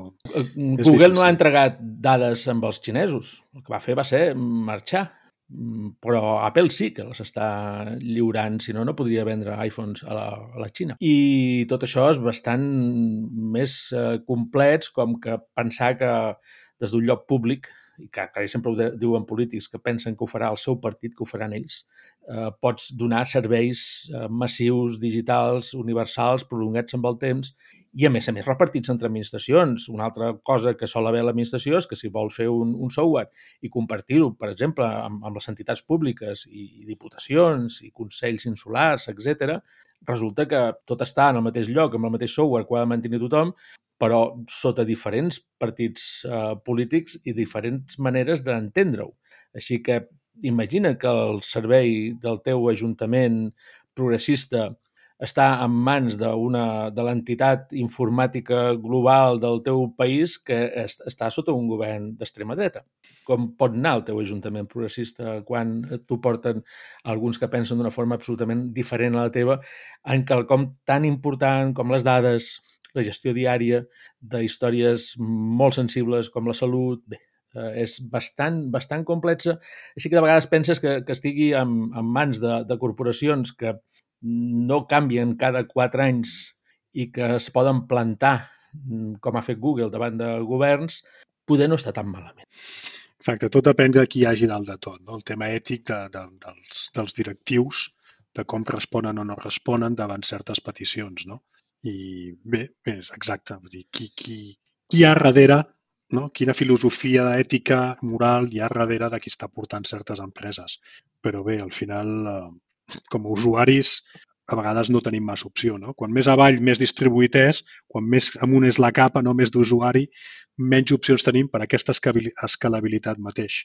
Uh -huh. Volem estar en xarxes on hi hagi molta gent, no en xarxes on hi hagi poca. Volem un software que tingui molta gent perquè s'actualitzarà amb molta més eh, facilitat i molt, excepte si és Android. Però bé, eh, bromes sí. a part, no? Eh... Depèn de la marca d'Android, també. Exacte, sí. Exacte, de moment amb els Motorola m'arriba actualització cada mes. Eh, creuem els dits. No, no, era la, la prometa de, sí. dels Android. Sí. Però, però, clar, depenent de moltes coses, perquè és que, clar, el nivell de complexitat sobre el qual estem vivint avui en dia és, és molt alt, no només de capes tecnològiques, sinó de moltes coses que donem per fetes, que donem no? aquestes infraestructures invisibles, i a internet ha passat això, ha esdevingut una, una infraestructura invisible que funciona, però no tenim ni fava de com funciona, ni qui hi ha al darrere, ni, ni, ni exactament què és. I el mom test. Després descobrim que tampoc és important per la majoria de la gent. I si els hi parles, te diran que sí a tot, però després, la veritat, continuaran fent el que creuen sí, sí, ells sí. Per, per, segons les seves prioritats i coses importants de la vida i aquesta no ho és, però que no falti, que no falti poder enviar correus electrònics, però on els tinc? És que no, no és important. I, i això, eh, he volgut fer història i, i tot al voltant de la idea de si podem fer una internet o no distribuïda, posant, eh, eh, podem posar un exemple, per exemple, el mateix correu, que ha sortit diverses vegades. Abans el correu és una cosa, el correu molt distribuïda. Vull dir, mm. de, degut al programari lliure d'enviament de, de correu i els protocols lliures, tenies per escollir entre uns quants softwares lliures de, lliures de servidor i que el posaves en el teu, l'instal·laves en el teu servidor el, i, i ja enviava i rebia. Era el meu servidor de correu i jo veia com arribaven a casa els missatges i, i els podia tenir a la pròpia màquina, vull dir, no els guardava el meu proveïdor d'internet. I estava molt distribuït i després, a més a més, estava distribuït també a, a la mateixa casa, perquè després descarregaves els correus, el descarregaves al portàtil i, i ja deixaven d'estar en el servidor. Ja estaven en el teu portàtil, no ocupaven espai. I en el servidor anaves esborrant coses. Estava distribuïdíssim i tothom tenia en els seus dominis els seus servidors de correu i si era el servidor de, de, de correu del proveïdor, tampoc era una gran càrrega per ell, perquè la gent se connectava a Arrakis, i, o a Redisoft i baixava el correu en el seu portàtil, en el seu ordinador sobre taula, allà on fos, el baixava i deixava d'estar en el servidor d'Arrakis. I, I era una cosa tan repartida, tan distribuïda, que, mira, ho portàvem, ho portàvem així i no passava res. Ah, però també era una tecnologia d'hipertecnòlegs. No? Que calia una mica de coneixement, que en aquells moments qui feia servir aquesta tecnologia eren realment els, els que la coneixien, però quan va passar no, amb el boom d'internet per les masses, tot això, tota aquesta capa de, de saber tocar el fitxer determinat en el moment determinat havia de desaparèixer, perquè si no, no arribava a les masses. I és l'única manera amb la qual realment invisibilitzant tot això, una gran companyia pot oferir un servei en la qual, escolta, no t'ocupis de res, ja me n'encarrego jo de tocar el que calgui, de parar l'spam, de fer això, de fer l'altre, i la comoditat. Escolta, mira, doncs els minuts que dedico faig una altra cosa. Es, es, es va complicant i tothom te recomana que el correu no el tinguis ni tan sols en el servidor on tens la web, que te la duguis en un altre lloc, que el tinguis a, a Google, a, a tots els serveis, al ProtonMail, allà on vulguis, però que el tinguis en un lloc en el qual siguin especialistes en, en correu i, i és que ja tampoc el vols descarregar els missatges que tu reps i que cada vegada s'envien coses més grosses se van guardant en els servidors i han de tenir unes cabines de discos importants en aquests data centers amb uns enginyers que, a més a més, s'assegurin que hi hagi còpies de seguretat, les fan ells per tu i hi ha una feinada en, en mantenir això en els centres i, i ho estem llogant a fora i ja deixa de ser distribuït, però ha estat una evolució lògica que jo crec que s'està fent en totes les coses des del neolític, vull dir, o bé, el, el paleolític, els, els caçadors exploradors eren grups de, de, de 10-15 persones. Eh, en el neolític comencen les ciutats en centenars de... les pobles en centenars de persones, es gestiona després, a les revolucions industrials, ja són milers de persones en ciutats, eh, passen a la segona revolució industrial a ser milions de persones a les ciutats i cada vegada se gestiona des de menys punts, més gent. I això també està passant a la tecnologia digital. Passem de tenir el correu repartit entre molts d'ordinadors de portàtils i de sobretaula i molts de servidors d'internet, de proveïdors de connexió a internet, a tenir-los amb, amb quatre centres mundials i que tenen gent capaç de gestionar-ho. Però això mateix crec que ens passarà amb, amb altres temes com la mobilitat. Abans deies, no, el tema de muntar un servidor de correu o tenir-lo com el tenia la torre de casa és perquè tu eres geek. Però conduir cotxe ho fem tothom, gairebé. És una cosa que fa tothom. Clar, perquè s'ha simplificat molt, no? Ja no cal el xofer que havia d'escalfar el motor i que sabia com anava. Ara tenim cotxes que no fallen, no? Aquesta capa de, de, de fer que tot sigui molt fàcil permet que qualsevol pugui fer-ho. No? Es treu el carnet o no i pot conduir. Exacte, doncs l'automobilisme en aquests moments, o la mobilitat, és un tema que està repartit entre milions de motors i milions de persones al volant. I sí, hi ha caos de tant en tant, però hi ha unes normes de trànsit i la cosa més o menys es gestiona.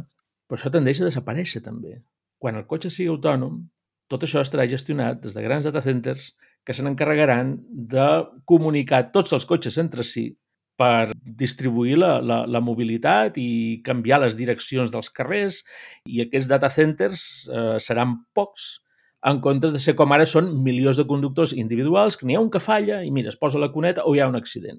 Però quan falli un dels data centers que porti la mobilitat d'una zona, allò, allò serà absolutament inacceptable. Llavors voldrem que hi hagi gent molt bona, que és ninjas de la producció de la tecnologia, que siguin capaços d'avançar-se amb els problemes i, i, i de ja tenir el recanvi abans de que es produeixi el problema, perquè és que si no la gent aquell dia no arribarà allà al metge o no hagi d'anar. Sí, sí, sí. Eh, jo crec que tendim a corporativitzar-ho tot i a fer-ho cada vegada més gros des de menys centres, simplement perquè la tecnologia ho permet de la mateixa manera que ens va permetre fer pobles, després ciutats, després ciutats més grans, més grans, i aquesta mateixa línia crec que és, és quasi inevitable. És que és el progrés, d'alguna manera, no? Una capa més de complexitat per simplificar la vida a, a, a tot, de tot el que hi ha a sota. No? De la mateixa manera que no anem a pescar nosaltres i comprem el peix, o bueno, si pots tenir un hort, no? si ets geek, tens el teu hortet, però normalment vas a comprar-ne més a l'engròs, perquè tindràs pomes, però no tindràs peres, doncs és una miqueta això, una altra capa més. Els cotxes, primer que necessitaves el mecànic, que era el conductor, el xòfer, el necessitaves en el cotxe, perquè es podia trencar tot, després la fiabilitat fa que això ja no calgui, per tant el pots portar tu, ara el trànsit és un caos i potser cal algun tipus de control en el trànsit, per tant és una capa més i una capa més i una capa més que va invisibilitzant tota la complexitat que tenim a sota. I anem cap aquí, anem cap aquí, però bé, tot depèn. I aquesta complexitat necessita enginyers molt bons sí. Que treballen per milers de clients al mateix temps i poden estar molt ben pagats. Ja, I llavors, eh, per poder pagar això i gestionar això, acabes fent una corporació. Mm -hmm. O sigui que aquesta cosa de corporació, sí, corporació no, i, i volem que torni a ser distribuït per, per tenir-ho molt repartit i no volem corporacions, crec que és força difícil que arribi a passar. Va, doncs el tema aquest de, de, de, per un costat és normal, però estem esperant un tipus de qualitat. És a dir, igual que volem que quan comprem el menjar estem segurs que ha passat uns controls de qualitat, de que és saludable, que no està contaminat, etc etc. també quan fa servir productes digitals, d'alguna manera hi ha l'expectativa de que això s'ha de comportar segons, i al tanto aquí, les meves expectatives sobre com ha de ser el funcionament d'això. Que algunes poden ser compartides per moltíssima gent i d'altres potser no. I, I ja no estem parlant de coses evidents com la salut, no? el peix no està contaminat o els, les verdures no tenen el que sigui, pesticides o així, però amb tecnologia, com, com funciona això, no? Què, què hi donem i què no donem, què esperem o què no esperem, quina moralitat, quins controls estem esperant de qui gestiona això en profit de l'empresa, perquè al final les empreses són for profit. I per tant, igual que és un peixater, igual que és un, un agricultor.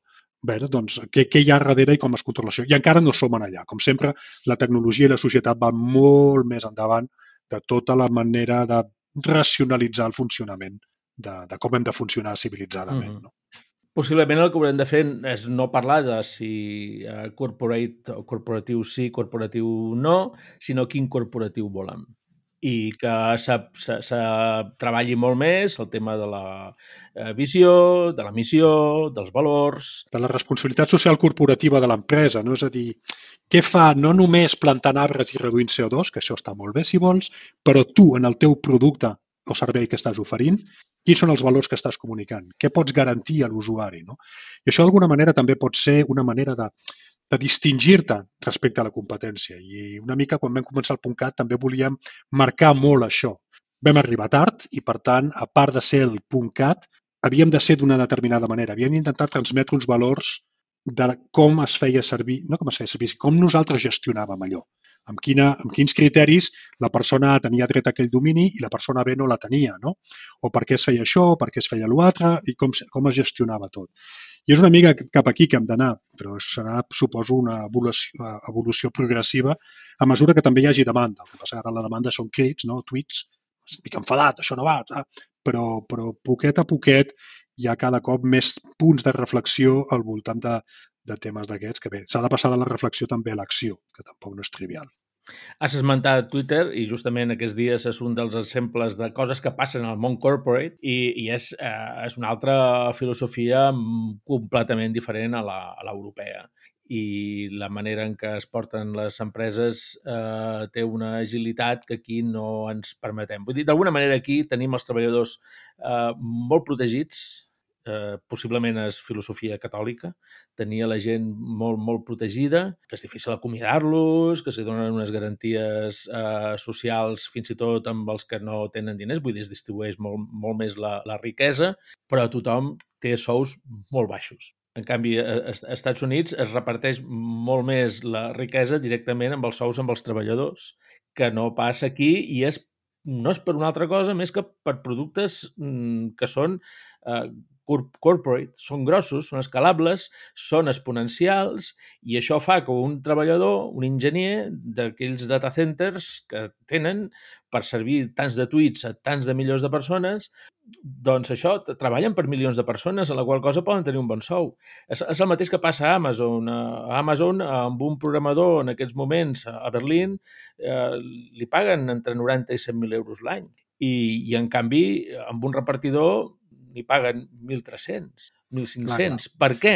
Perquè el programador d'Amazon atén a centenars de milers de clients i el repartidor pot atendre a 30 persones en un dia. Clar, el sou per això no és aquest. I nosaltres, com no tenim aquesta mentalitat de fer productes globals mundials, continuem tinguent empreses amb pocs sous, amb productes molt, molt locals, eh, el treballador molt protegit, molt difícil de reinventar-te, del tipus que està fent ara, com el, el que està fent ara Elon Musk, que és a base de tirar tots els càrrecs de dalt i mm, van caiguent de forma escalada, perquè les empreses americanes són molt de qui reporta aquí, vull dir, tu com a desenvolupador reportes amb el teu cap de projecte, ell reporta amb un altre cap i al final va parar amb els VPs i si tires el VP de dalt, doncs tota la cadena de gent que reporta és la que sol desaparèixer per, per qüestions de confiança, tal com passa en política, i se'n posen uns altres de nou, i moltes vegades el que, bé, el que està fent en aquest cas l'Elon Musk és dir que aquests de baix eh, podran arribar a ser VPs perquè són els que realment estan mantinguent la cosa en marxa i sembla que són prou bons. I, i el que fa és refer una empresa des de dins de la mateixa manera que l'Amancio Ortega reformava els cinemes deixant la façana només i tirava tot a l'interior i feia un Zara, no?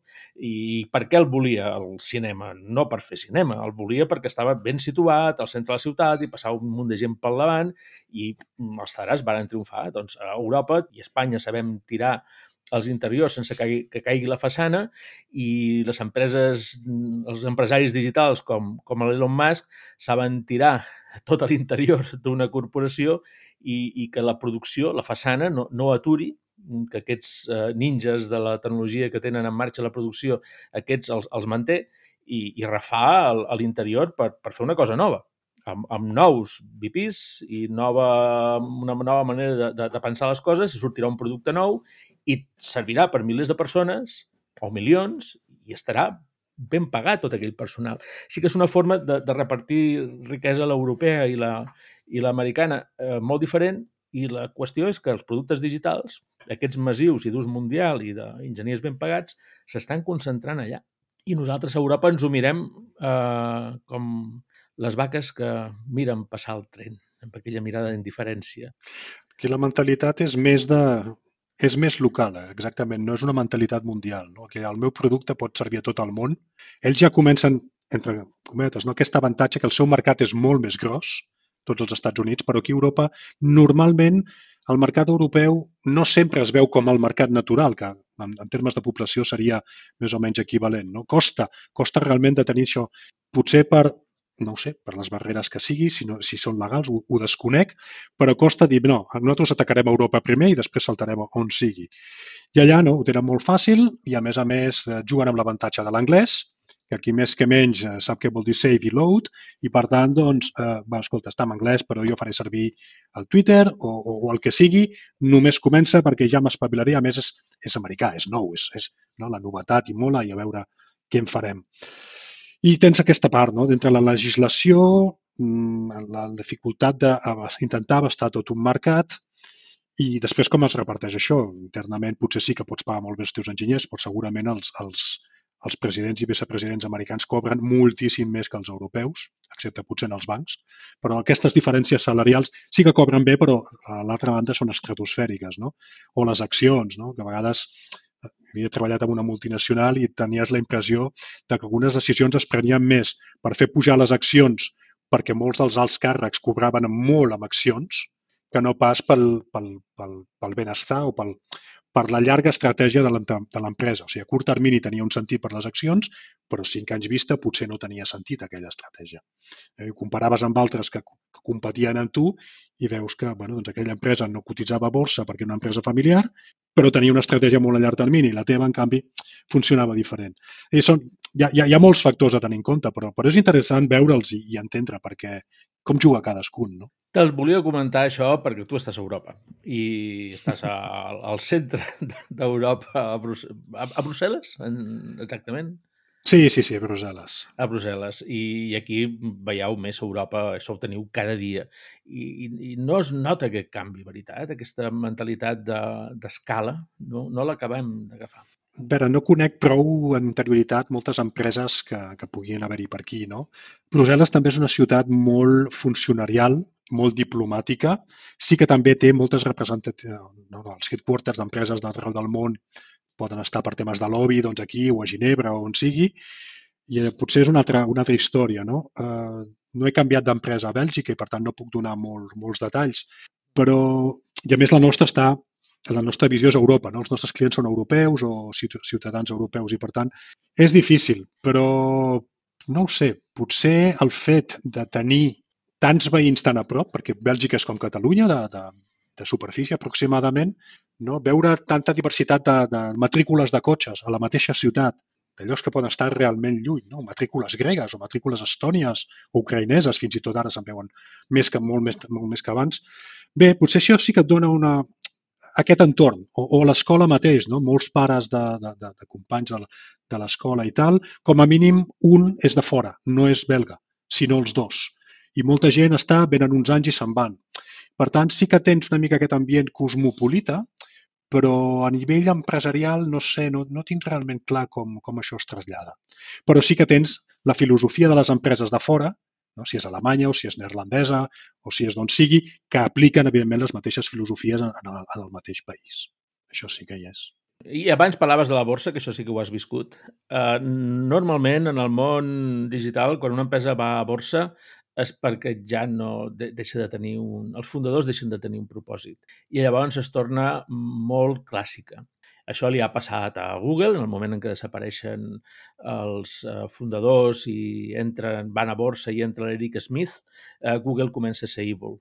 I l'Eric Smith és un CEO que ve del món corporatiu clàssic. Perquè quan estàs a borsa necessites una sèrie de contactes entre el món eh, clàssic i fa que l'empresa perdi el, la, la, la gràcia. Normalment la gràcia continua estant al cap dels fundadors, que han marxat i han fet eh, diners amb, amb la sortida a borsa i aquests diners els utilitzen per la següent eh, pel seu següent projecte, per la seva següent startup i aquesta frescor i aquesta manera de, de fer les coses més àgil i amb més visió de futur sol estar la nova empresa. Les que van a borsa, malament rai. Per això el que fa l'Elon Musk és, eh, amb aquests 40 bilions i busques, es treure a Twitter de borsa perquè pugui tenir agilitat, perquè si et dediques a, a, a fer caure tots els VPs, el dia següent cau sa borsa d'una forma absolutament fulminant i no tens la possibilitat de refer Twitter per dins. És impossible. El primer és treure-la de borsa. I l'Elon Musk, quan troba que el vehicle eh, elèctric ja és una cosa que comença a ser mainstream i que doncs, ja el, ha, ha obert patents, ha revolucionat tot aquest tema, i funciona i no paren d'obrir fàbriques noves i de vendre cada vegada més quan la resta del mercat de l'automòbil va a menys, ells, ells sembla que van a més. Algú me preguntava com pot ser que eh, durant també la crisi tanqui Nissan a tants de llocs d'Europa i en canvi eh, Tesla no aturi d'obrir quan sembla que la crisi és de l'automòbil. Doncs no, perquè tenia un propòsit, l'ha complert i llavors l'empresa surt a borsa ja no és ben bé de l'Elon, ja, ja no pot fer eh, les coses que, que feia abans la mateixa agilitat. Però, en canvi, SpaceX, que encara no ha arribat a Mart i que ho té, encara té, té el propòsit pendent, no és pas a borsa. Llavors, el, el fet de sortir a, a borsa, ho dic perquè en el món de les empreses digitals se sol fer una mica de cherry picking quan se xerra de, de, de les corporacions que són més, més evil, més dolentes, diguéssim. S'agafa gairebé sempre corporacions que són a borsa. Però les que, no, les que no hi estan i que estan creixent i estan fent productes molt interessants, eh, Figma mateix, que són, són empreses fresques que estan canviant la manera de treballar en remot, la manera de dissenyar el software, les empreses que eh, Canva, que està fent tota la part de, de revolucionar el món del, del disseny, no? que sigui molt fàcil que qualsevol sigui un, un bon dissenyador eh, i, i Canva és, i tota, moltes empreses de low code, de no-code que permeten fer prototips de software molt ràpids per provar si allò funciona o no funciona, després tornar enrere. Stripe, que ha revolucionat el món de, dels pagaments. Moltes d'aquestes empreses no són, no són a borsa i tot el joc és a base d'aconseguir que hi hagi gent que confia en ells, fer noves rondes d'inversió i amb aquestes noves rondes d'inversió doncs, anar eh, fent créixer l'empresa perquè tens un, un propòsit i el propòsit eh, doncs, necessita diners i som èpoques de creixement que sempre són èpoques de, de, de pèrdues fins que arribes a aquesta estabilitat i en aquesta estabilitat doncs, poder sí que sortiràs a borsa i llavors els, els fundadors s'aniran amb una altra cosa perquè ja no, se torna molt, molt avorrida i molt plana l'existència quan tens un board of directors que són els que manen, quan segons la declaració que fas eh, el dia següent pugen o baixen les accions, estàs com molt agafat pels quatre costats, que això no és el, el, la manera de, més fàcil d'innovar. No, clar, hi ha perfils diferents. No? Hi ha gent que li agrada engegar projectes i que comencin a ser mínimament viables, altres que els agrada fer-los créixer, altres que volen portar el règim estacionari, no? de, allò del crossing de casma, no? les diferents etapes que hi ha, la maduresa i fer-la créixer i que esdevingui... Llavors aquests perfils, clar, quan has arribat, escolta, que hi ha més per mi en aquí, no? Ja no és el meu moment, he de canviar, he de fer una altra cosa. I són perfils diferents i, evidentment, doncs, aquesta gent té prioritats diferents i l'empresa té prioritats diferents en cada moment. Totalment. Mm -hmm. El Jack Dorsey, eh, en el moment en què ja quan surt de Twitter ja desapareix tot l'esperit inicial. Uh, ja és del Board of Directors, que és gent que, bé, no, no era uh, especialment atrevida, no? I, i, i l'Elon Musk veu que aquí pot haver una revolució i el món industrial o, o econòmic, l'entorn americà, ho permet fer. I, I a mi una cosa que em fa patir és que a Europa aquestes coses no som gaire capaços de, de, de fer-ho. Poder podem desenvolupar mm, un mastodon, si vols, però si això creix, creix, creix i creix i creix i creix i has de contractar bona gent de producció, que els hi paguis els sous que s'estan pagant a producció a la indústria similar de llocs que tenen milions d'usuaris, ja te tornaràs una altra vegada corporate. Hmm. Sí, va, és, és una evolució, eh? És una evolució, un camí i suposo que s'ha d'anar seguint, no ho sé, però clar, si vols créixer a nivell mundial, eh, sent una empresa privada, home, és, suposo que ha de ser possible, però, però se n'ha de saber molt i després passar-ho a la següent generació. No? Totes aquestes coses també són un problema que no és gens fàcil. No. I no sé si, parlant també ara amb un europeu que està a Brussel·les, el Jordi Parraguirre, i, i de coses que han fet a Europa, doncs la, la última que han fet interessant, eh, possiblement, i no sé si la primera, eh, perquè les altres són molt avorrides, com el SAP, aquestes coses són europees, però no, no les posarem en el món de la, de la innovació i dels canvis digitals importants, és Spotify. Spotify, que en aquests moments hi ha una sèrie de Netflix que es diu The Playlist, allà es veu com, com es crea Spotify i veure-ho eh, m'ha servit per recordar quan a, Europa, quan a Europa feien coses interessants i com les vàrem deixar de fer. Uh, Europa en aquell moment és uh, un lloc que per lleis és més lliure que Estats Units, pels productes digitals. No sé si recordes, sí, ets, ets un entusiasta del món del xifratge, eh, com va venir el Pretty Good Privacy, el PGP. Eh, com, com el PGP es va estendre al món mundial, un producte americà. Eh, segur que ho recordes. Bueno, a veure, el que tinc ara al cap és que van fer dues coses, no? No van estampar una samarreta... No, les samarretes era per un codi per craquejar DVDs, els DVDs em sembla. Els DVDs, sí. sí. I l'altre no va venir amb un llibre, van imprimir tot el codi amb un llibre perquè no podien exportar codi, però sí que podien exportar el llibre. Exacte. Era molt brillant, això. El, el tema del xifratge eh, estava prohibit exportar-lo fora dels Estats Units. No sí, es podia sí. exportar com a software, però sí com a llibre. Llavors, el, el programa de xifratge de correus i de més, el PGP, el van imprimir amb un llibre, el van portar cap a Europa i aquí el van tecletjar. I ja van tenir el PGP a disposició mundial perquè Europa no tenia restriccions d'exportació a nivell mundial de software de xifratge. El tenia als Estats Units. I, uh -huh.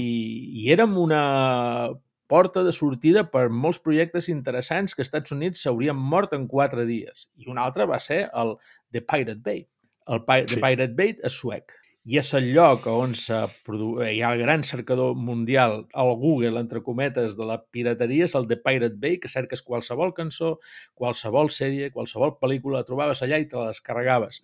Però eren suecs, perquè això, als Estats Units s'hauria encarregat en, en una setmana, desapareix el Pirate Bay i han tingut un accident mentre s'afeitaven. Mira el Napster i tot el que, no, els, tot allò que venia abans. Se'l van sí, encarregar. Sí. Es van encarregar a, a cops d'advocat, sí. Sí, sí, s'ho van encarregar tot. I allà estava la indústria, les majors i el seu fort lobby a Estats Units no hi havia manera de passar del vídeo VHS, per entendre. Ja, però és un tema estratègic. Pels Estats Units, no? poder comunicar la seva cultura a través de l'audiovisual és un tema estratègic de país. No? Que tot el món conegui això. Llavors, permetre la pirateria els està posant realment doncs, barreres perquè sí, arriba, però no, no, no fan caixa. I això sí que en aquest, en aquest món de, de corporacions a la vella estructura, no? que han de facturar, facturar, i les accions i els dividends i tal, això fa mal. I per tant tens aquests costats, el govern dona molt suport perquè és la pressió cultural i, i a més a més doncs, per, per tancar el bucle i dir, ei, factureu i sigueu més grans. No? El creixement de Disney en els últims 20 anys és brutal. No. En les divisions de, de digitals, per exemple. O... Sempre Estats Units va ser molt restrictiu amb el tema audiovisual, a la vegada que tenia una gran indústria. El primer cas va ser el de l'Edison i el Eastman. L'Eastman tenia l'exclusiva de fer la pel·lícula, Kodak, i l'Edison tenia l'exclusiva de les càmeres i dels projectors. I ningú que no passés per caixa amb ells no podia ni fer cinema ni projectar-lo. Llavors, eh, el que apareix és eh, una sèrie de cineastes independents que aconsegueixen material d'estraper-lo i que graven les seves pel·lícules. En el rodatge hi havia, eh, explica la història que hi va haver morts, a Amèrica hi ha pistoles i, i eh, hi havia màfies de, perquè quan les coses circulen d'estraper-lo doncs se produeixen les màfies i a més a més tant el Kodak, l'Eastman, com l'Edison perseguien molt a tota la pirateria, diguéssim, de, de fer cinema, però mm, molts de teatres estaven convertint en el, el que es deien Nickel, Nickelodeons. I, I allà se projectaven pel·lícules d'aquest cinema independent, entre els quals hi havia el William Fox, i que cada vegada tenia més èxit. Llavors, eh, cada vegada la cosa estava molt més tensa i Hollywood apareix eh, del no-res perquè tots aquests cineastes independents escapant de l'Edison i de l'Isman se'n van al lloc més llunyà d'on viuen ells, que viuen a l'altra costa, doncs ens n'anem a, la, a, la costa oest i, a més a més, a prop de Mèxic, perquè quan ens enganxin podem sortir corregents cap allà i no, no ens passi res. Hollywood apareix per això, per allunyar-se dels, dels dos, fins que la cosa es fa tan, tan, tan grossa dels Nickelodeons i del cinema independent que hi ha un... El Tribunal Suprem acaba eh, retirant les patents eh, del Kodak o de l'Eastman i del, de l'Edison perquè deien que no es podia aturar la, la cultura. I vull dir que el Hollywood va néixer de la, de la pirateria també i en aquest cas a Europa, a l'època digital, des de Suècia, hi ha un grup de hackers, dona la coincidència, que fan el de Pirate Bay i que donen serveis de pirateria en el món mundial i no els pot tocar ningú perquè estan a Suècia. Ja, tot i que el Suècia la cop també està canviant. Però, però d'alguna manera estan cobrint una necessitat. És a dir, tu ara en qualsevol de les plataformes que tenim no, de, de, a, internet per, de, les, de pagament, eh? vols veure pel·lícules clàssiques, jo que sé, de l'Oest o de, de, de policies o del que sigui, de l'Elvis, no, com es deia aquell, l'Abodi al Costello, de l'any de la pera, que veies al cine de, de dissabte quan eres petit, no les trobes. No. No hi són. O sigui, hi ha quantitat de filmografia que no està a les plataformes, no està disponible. Tampoc els videoclubs, perquè ja no existeixen, no pots anar tampoc a comprar-les en DVD, perquè tampoc no es venen, no, no estan. Llavors, tota aquesta cultura a la qual no tenim accés, però que encara recordem però d'aquí uns anys molta gent ja no l'anirà recordant. Eh, S'està perdent i estem parlant de pel·lícules com de música, com de llibres, com de, del que sigui, de moltíssimes coses. I aquí hi ha un problema també creat per, per aquesta obsessió de protegir el creador, que se l'ha de protegir, però ens estem passant de la ratlla perquè perdem, en 80 anys, es perd, es perd la pista. És que Europa, que era qui portava la, la, la iniciativa amb això a base de no regular tant, ha fet el que acabes de dir. S'ha tornat sobrereguladora en temes digitals. I ara els estem fent el joc a, a les majors americanes des d'aquí. Perquè han perdut aquella frescura. Ens han convertit en el continent de l'avís de cookies. Estem amb els temes digitals eh, molt pesats. En comptes de facilitar les coses, les compliquem. Ara estem intentant regular els algoritmes de la intel·ligència artificial i encara han de fer algoritmes d'intel·ligència artificial. Vull dir, uh, som, de, som de reaccionar, no som d'accionar. Però és molt difícil accionar a priori. No? El món legal sempre va darrere del món tecnològic. No? La, els, les, els estàndards de, de facto i, els de jure sempre, sempre es va darrere. Uh, és, és molt difícil. Hi ha coses de la regulació que estan bé, no? Jo crec, per exemple, el tema del GDPR s'ha avançat força, tot i que podien caldre, per exemple, unes certes especificacions molt més clares per segons quines accions de tractament de dades que poden facilitar, doncs, no sé, intentar reduir el crim online o altres històries, però hi ha coses que estan bé, però a vegades falta aquest coneixement més profund de la indústria en el món legislatiu no? per realment equilibrar. I uns no parlen amb els altres i els altres no parlen amb els uns, amb la qual costa, perquè hi ha les sospites, no? tu em sobreregularàs, jo et faré lobby, com que tu em fas lobby, t'estàs passant de la ratlla i no sé si et faré cas o no et faré cas. I hi ha aquesta falta de realment de cooperació. Uh -huh. Llavors, tenim coses bones, però sí que en temes, jo no sé, el tema del copyright el trobo correcte. És a dir, hi ha de ser, però sí. ens hem passat de frenada de lluny. Si no pot ser això dels 80 anys, em sembla escandalós que s'hagi mort algú i 80 anys després encara no es pugui fer servir. No té sentit. Sí, però bueno, queda, queda una mica lluny. el que es discuteix entre els despatxos, poca cosa. Però sí que ens hem, no barallat, no? però sí que hem, per exemple, temes de... Un, un punt molt important al Puneu i en altres TLDs també, de dominis també, és el tema d'intentar reduir o mitigar el tema de l'abús en línia. No? L'abús en el sentit de si webs que t'estan venent coses que després no t'arriben mai o que són productes falsificats o que, per exemple, directament et baixen malware val? O, o, o històries d'aquest tipus. I llavors, bé, aquí estem treballant amb altres companys europeus, per exemple, pel tema d'intercanvi de, de dades, no? Com què es pot fer, què no es pot fer, i el GDPR. I hem hagut de treballar realment molt, molt intensament i molt a prop amb els advocats dels diferents estats, tot i que la, la llei és paneuropea, però després a vegades les, les transposicions locals poden tenir la seva història. I bé, és un treball força interessant. No? És, és un puzzle i és complicat, però és, és, és, un, és un, realment un camí molt... que, que hem d'anar obrint, és a dir, la, la cooperació entre el món del dret i el món tecnològic, no? La, les regles del joc que nos dimos entre todos, val? que són, la, que són la, la, la, la normativa legal amb la qual hem de jugar, ens agradi o no, i com els tecnòlegs o les empreses tecnològiques, a través o no dels lobbies, perquè hi ha, hi ha, hi ha aquesta, aquest odi no? entre els uns i els altres de que m'estàs venent la moto o m'interessa comprar-te la teva moto perquè jo després entraré en el teu consell d'administració. No? Tota aquesta història eh, és molt complicada, però és una via que, que hem d'anar treballant i s'ha d'anar obrint uh -huh. de lluny. Ja. I quin és el vostre projecte següent eh, interessant que has parlat? Has apuntat una mica a la intel·ligència artificial, anàlisi de dades... Sí.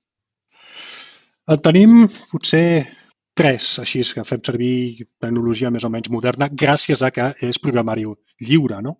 Una és aquesta, és un sistema de eh, classificar planes web en funció del seu contingut, eh, dient, per exemple, això parla de salut, o això parla de mecànica, o això parla d'educació, no? tenim una sèrie de classes predefinides, i llavors podem veure una miqueta doncs, com, com s'està fent servir el domini, no?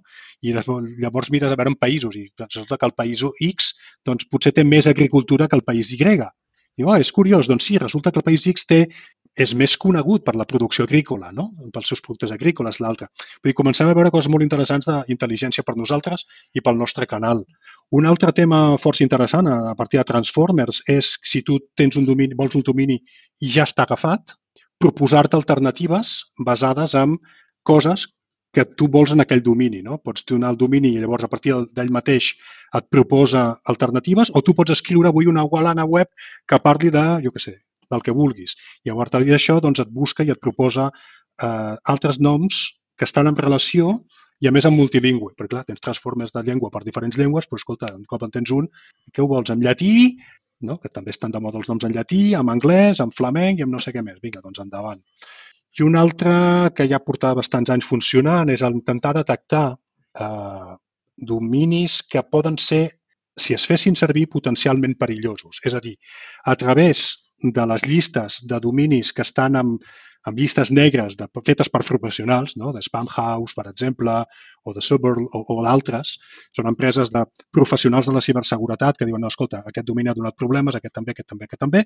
Doncs a partir d'aquí, el, que, el que tenim ja funcionant des de fa, en producció, un parell d'anys, és, bé, cada cop que arriba un domini nou, intentar estimar la probabilitat de que aquest domini sigui més o menys probable de que pugui ser abusat en el futur i llavors intentar detectar-lo i es permet el registre però es para. És a dir, tu dius, sí, aquest domini és per tu, te l'hem reservat, cap problema, però pots, sisplau, identificar-te o validar la teva identitat d'alguna manera?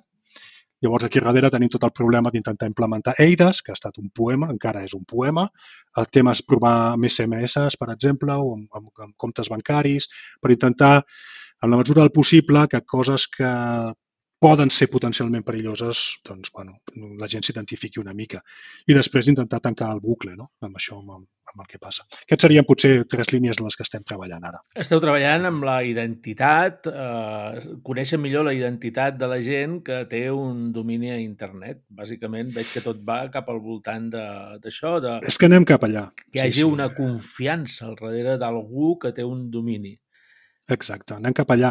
Un dels punts, per exemple, és pensar si quan tu fas el juís d'un domini determinat, ja no per la comanda, sinó per la web, indicar-te, doncs mira, el titular d'aquest domini ha estat validat amb aquest sistema. Per tant, tu, si vas a la web d'una botiga, dius, mira, aquest no ha estat validat. O aquest ha estat validat amb un SMS d'un país en el qual es demana l'identitat de la persona. bueno, evidentment, facilitar-ho, perquè no, no tots hem de saber si a Suècia o a Noruega es demana la identitat de la persona o no quan demanes un telèfon, si pot ser falsificat, si és igual. Però intentar ajudar una mica, perquè d'alguna manera un registre d'internet és com si fos un registre de la propietat. No? Tu compres un pis, l'inscrius, tu tens un terreny, l'inscrius, qui és el titular és aquesta persona. Perquè, com diu un company, no, no deixes de tenir una part del, del, dels assets, no? una part de terreny a internet sota el teu nom, sota la teva responsabilitat.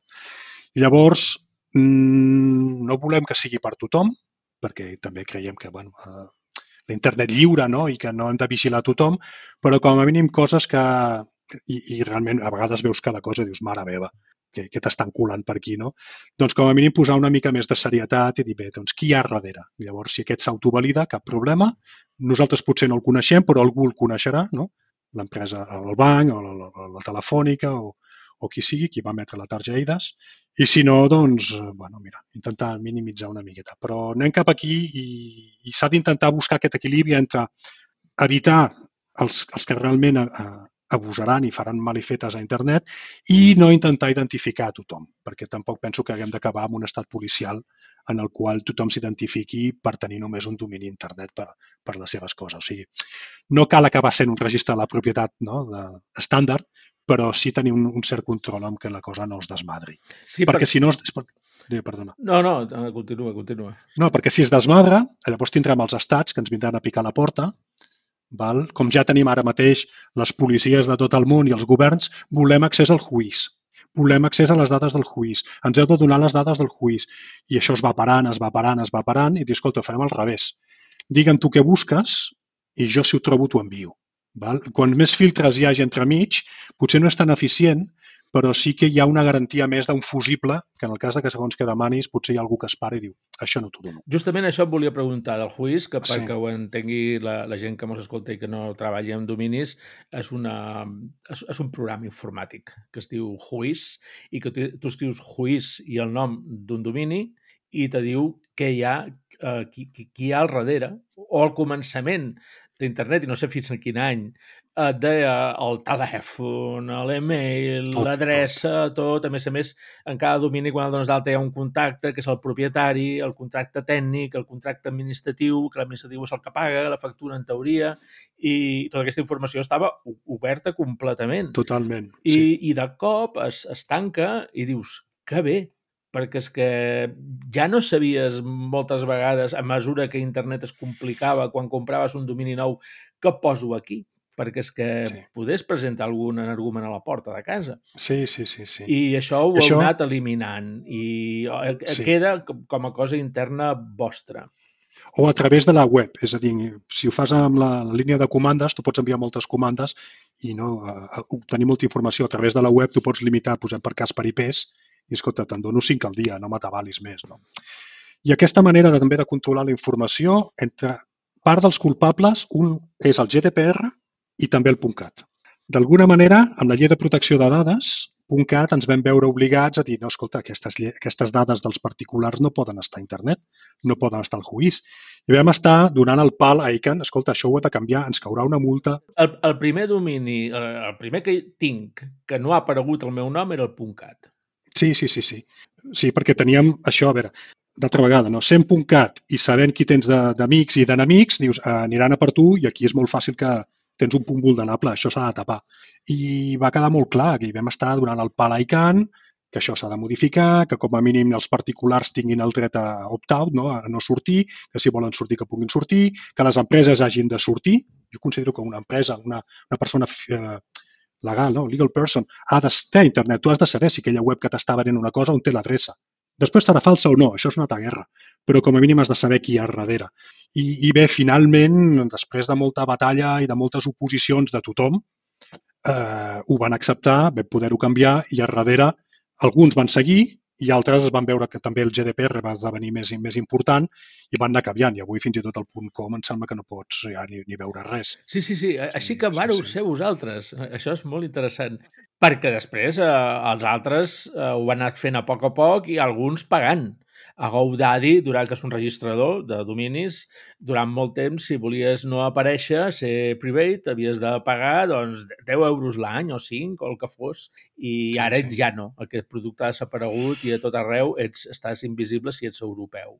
Uh, Amèrica no m'hi he fixat no, ja, ara. Ha, ha passat també amb altres TLDs a, a, a Estats Units o altres llocs també s'ha anat canviant perquè suposo que és més fàcil fer-ho per tothom que no començar a mirar si un o, un o l'altre. Sí, i a Europa ho hem fet bé, el GDPR està prou bé. El, el tema de l'ús proporcionat de les coses és molt raonable.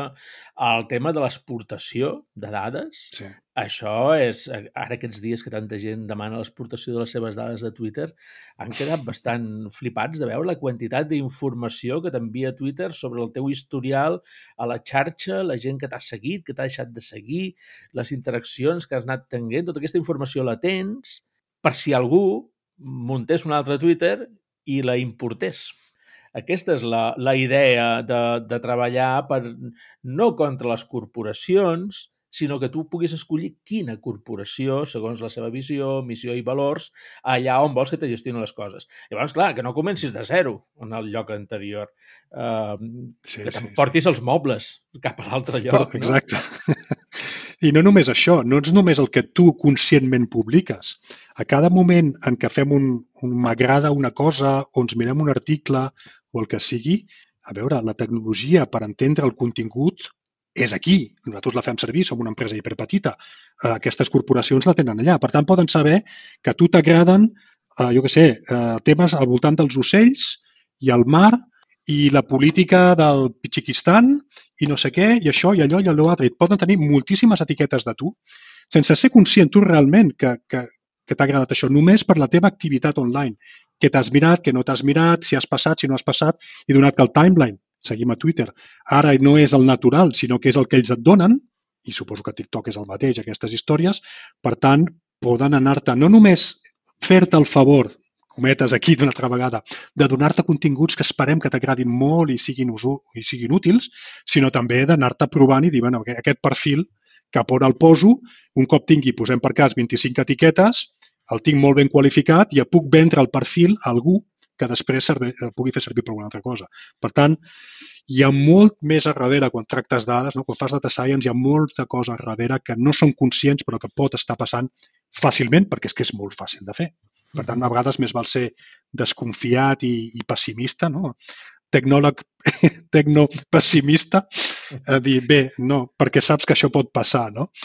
Però que passi o no, després, però t'atino al cap. Eh? Allò, pots passar en vermell, sí, pots atravessar en vermell un carrer, però tingues el, estigues al tanto. I que puguis marxar d'un altre lloc. Sí. Eh, que això doni oportunitat a nous projectes portats d'una altra manera i aquesta ha estat una bona aportació que ha fet a Europa en el món, que és sí. Eh, l'exportació de les dades.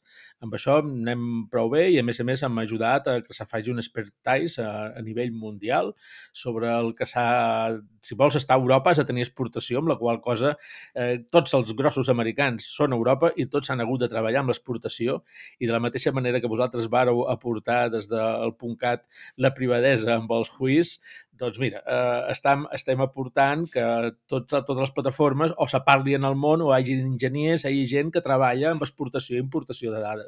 I, i els projectes que poden sortir d'això no són immediats perquè el GDPR és recent, però pot animar a molta gent a crear noves plataformes en, i, i atraure les importacions de dades de la gent. Avui fer un sí. nou Instagram no és tan complicat des del moment en què puguis exportar-ho. És, és complicat, perquè hauràs de crear una, una empresa... Ja, l'escala, sí, sí. Exacte, l'escala. Aquesta escala famosa que és el destí de gairebé qualsevol cosa digital i aquesta escala no és gaire compatible amb la descentralització, que és una cosa que avui m'ha agradat molt poder parlar amb el Jordi, i que no hem deixat res clar. és que no hi ha blanc i negre, eh? Clar, algú que digui, no, sí, el Web3 serà això, la descentralització és possible, no és possible, no, hem, hem explicat que de fet existeix però no ens interessa, ni la majoria de la població la troba important, i que mentre la trobin important quatre informàtics, doncs no sé si triomfarà, difícil, però que possiblement hem de parlar molt. Ha estat un plaer poder-ho fer amb tu. Igualment, Benjamí, m'ha quedat molt compartir aquesta estona amb tu i xerrar. Moltes gràcies. Moltes gràcies. Fins la pròxima. I quan eh, vinguis de Brussel·les, portes xocolata. Sí, i cervesa si em deixen a l'avió. a reveure, moltes gràcies. I una abraçada a tots. Adéu.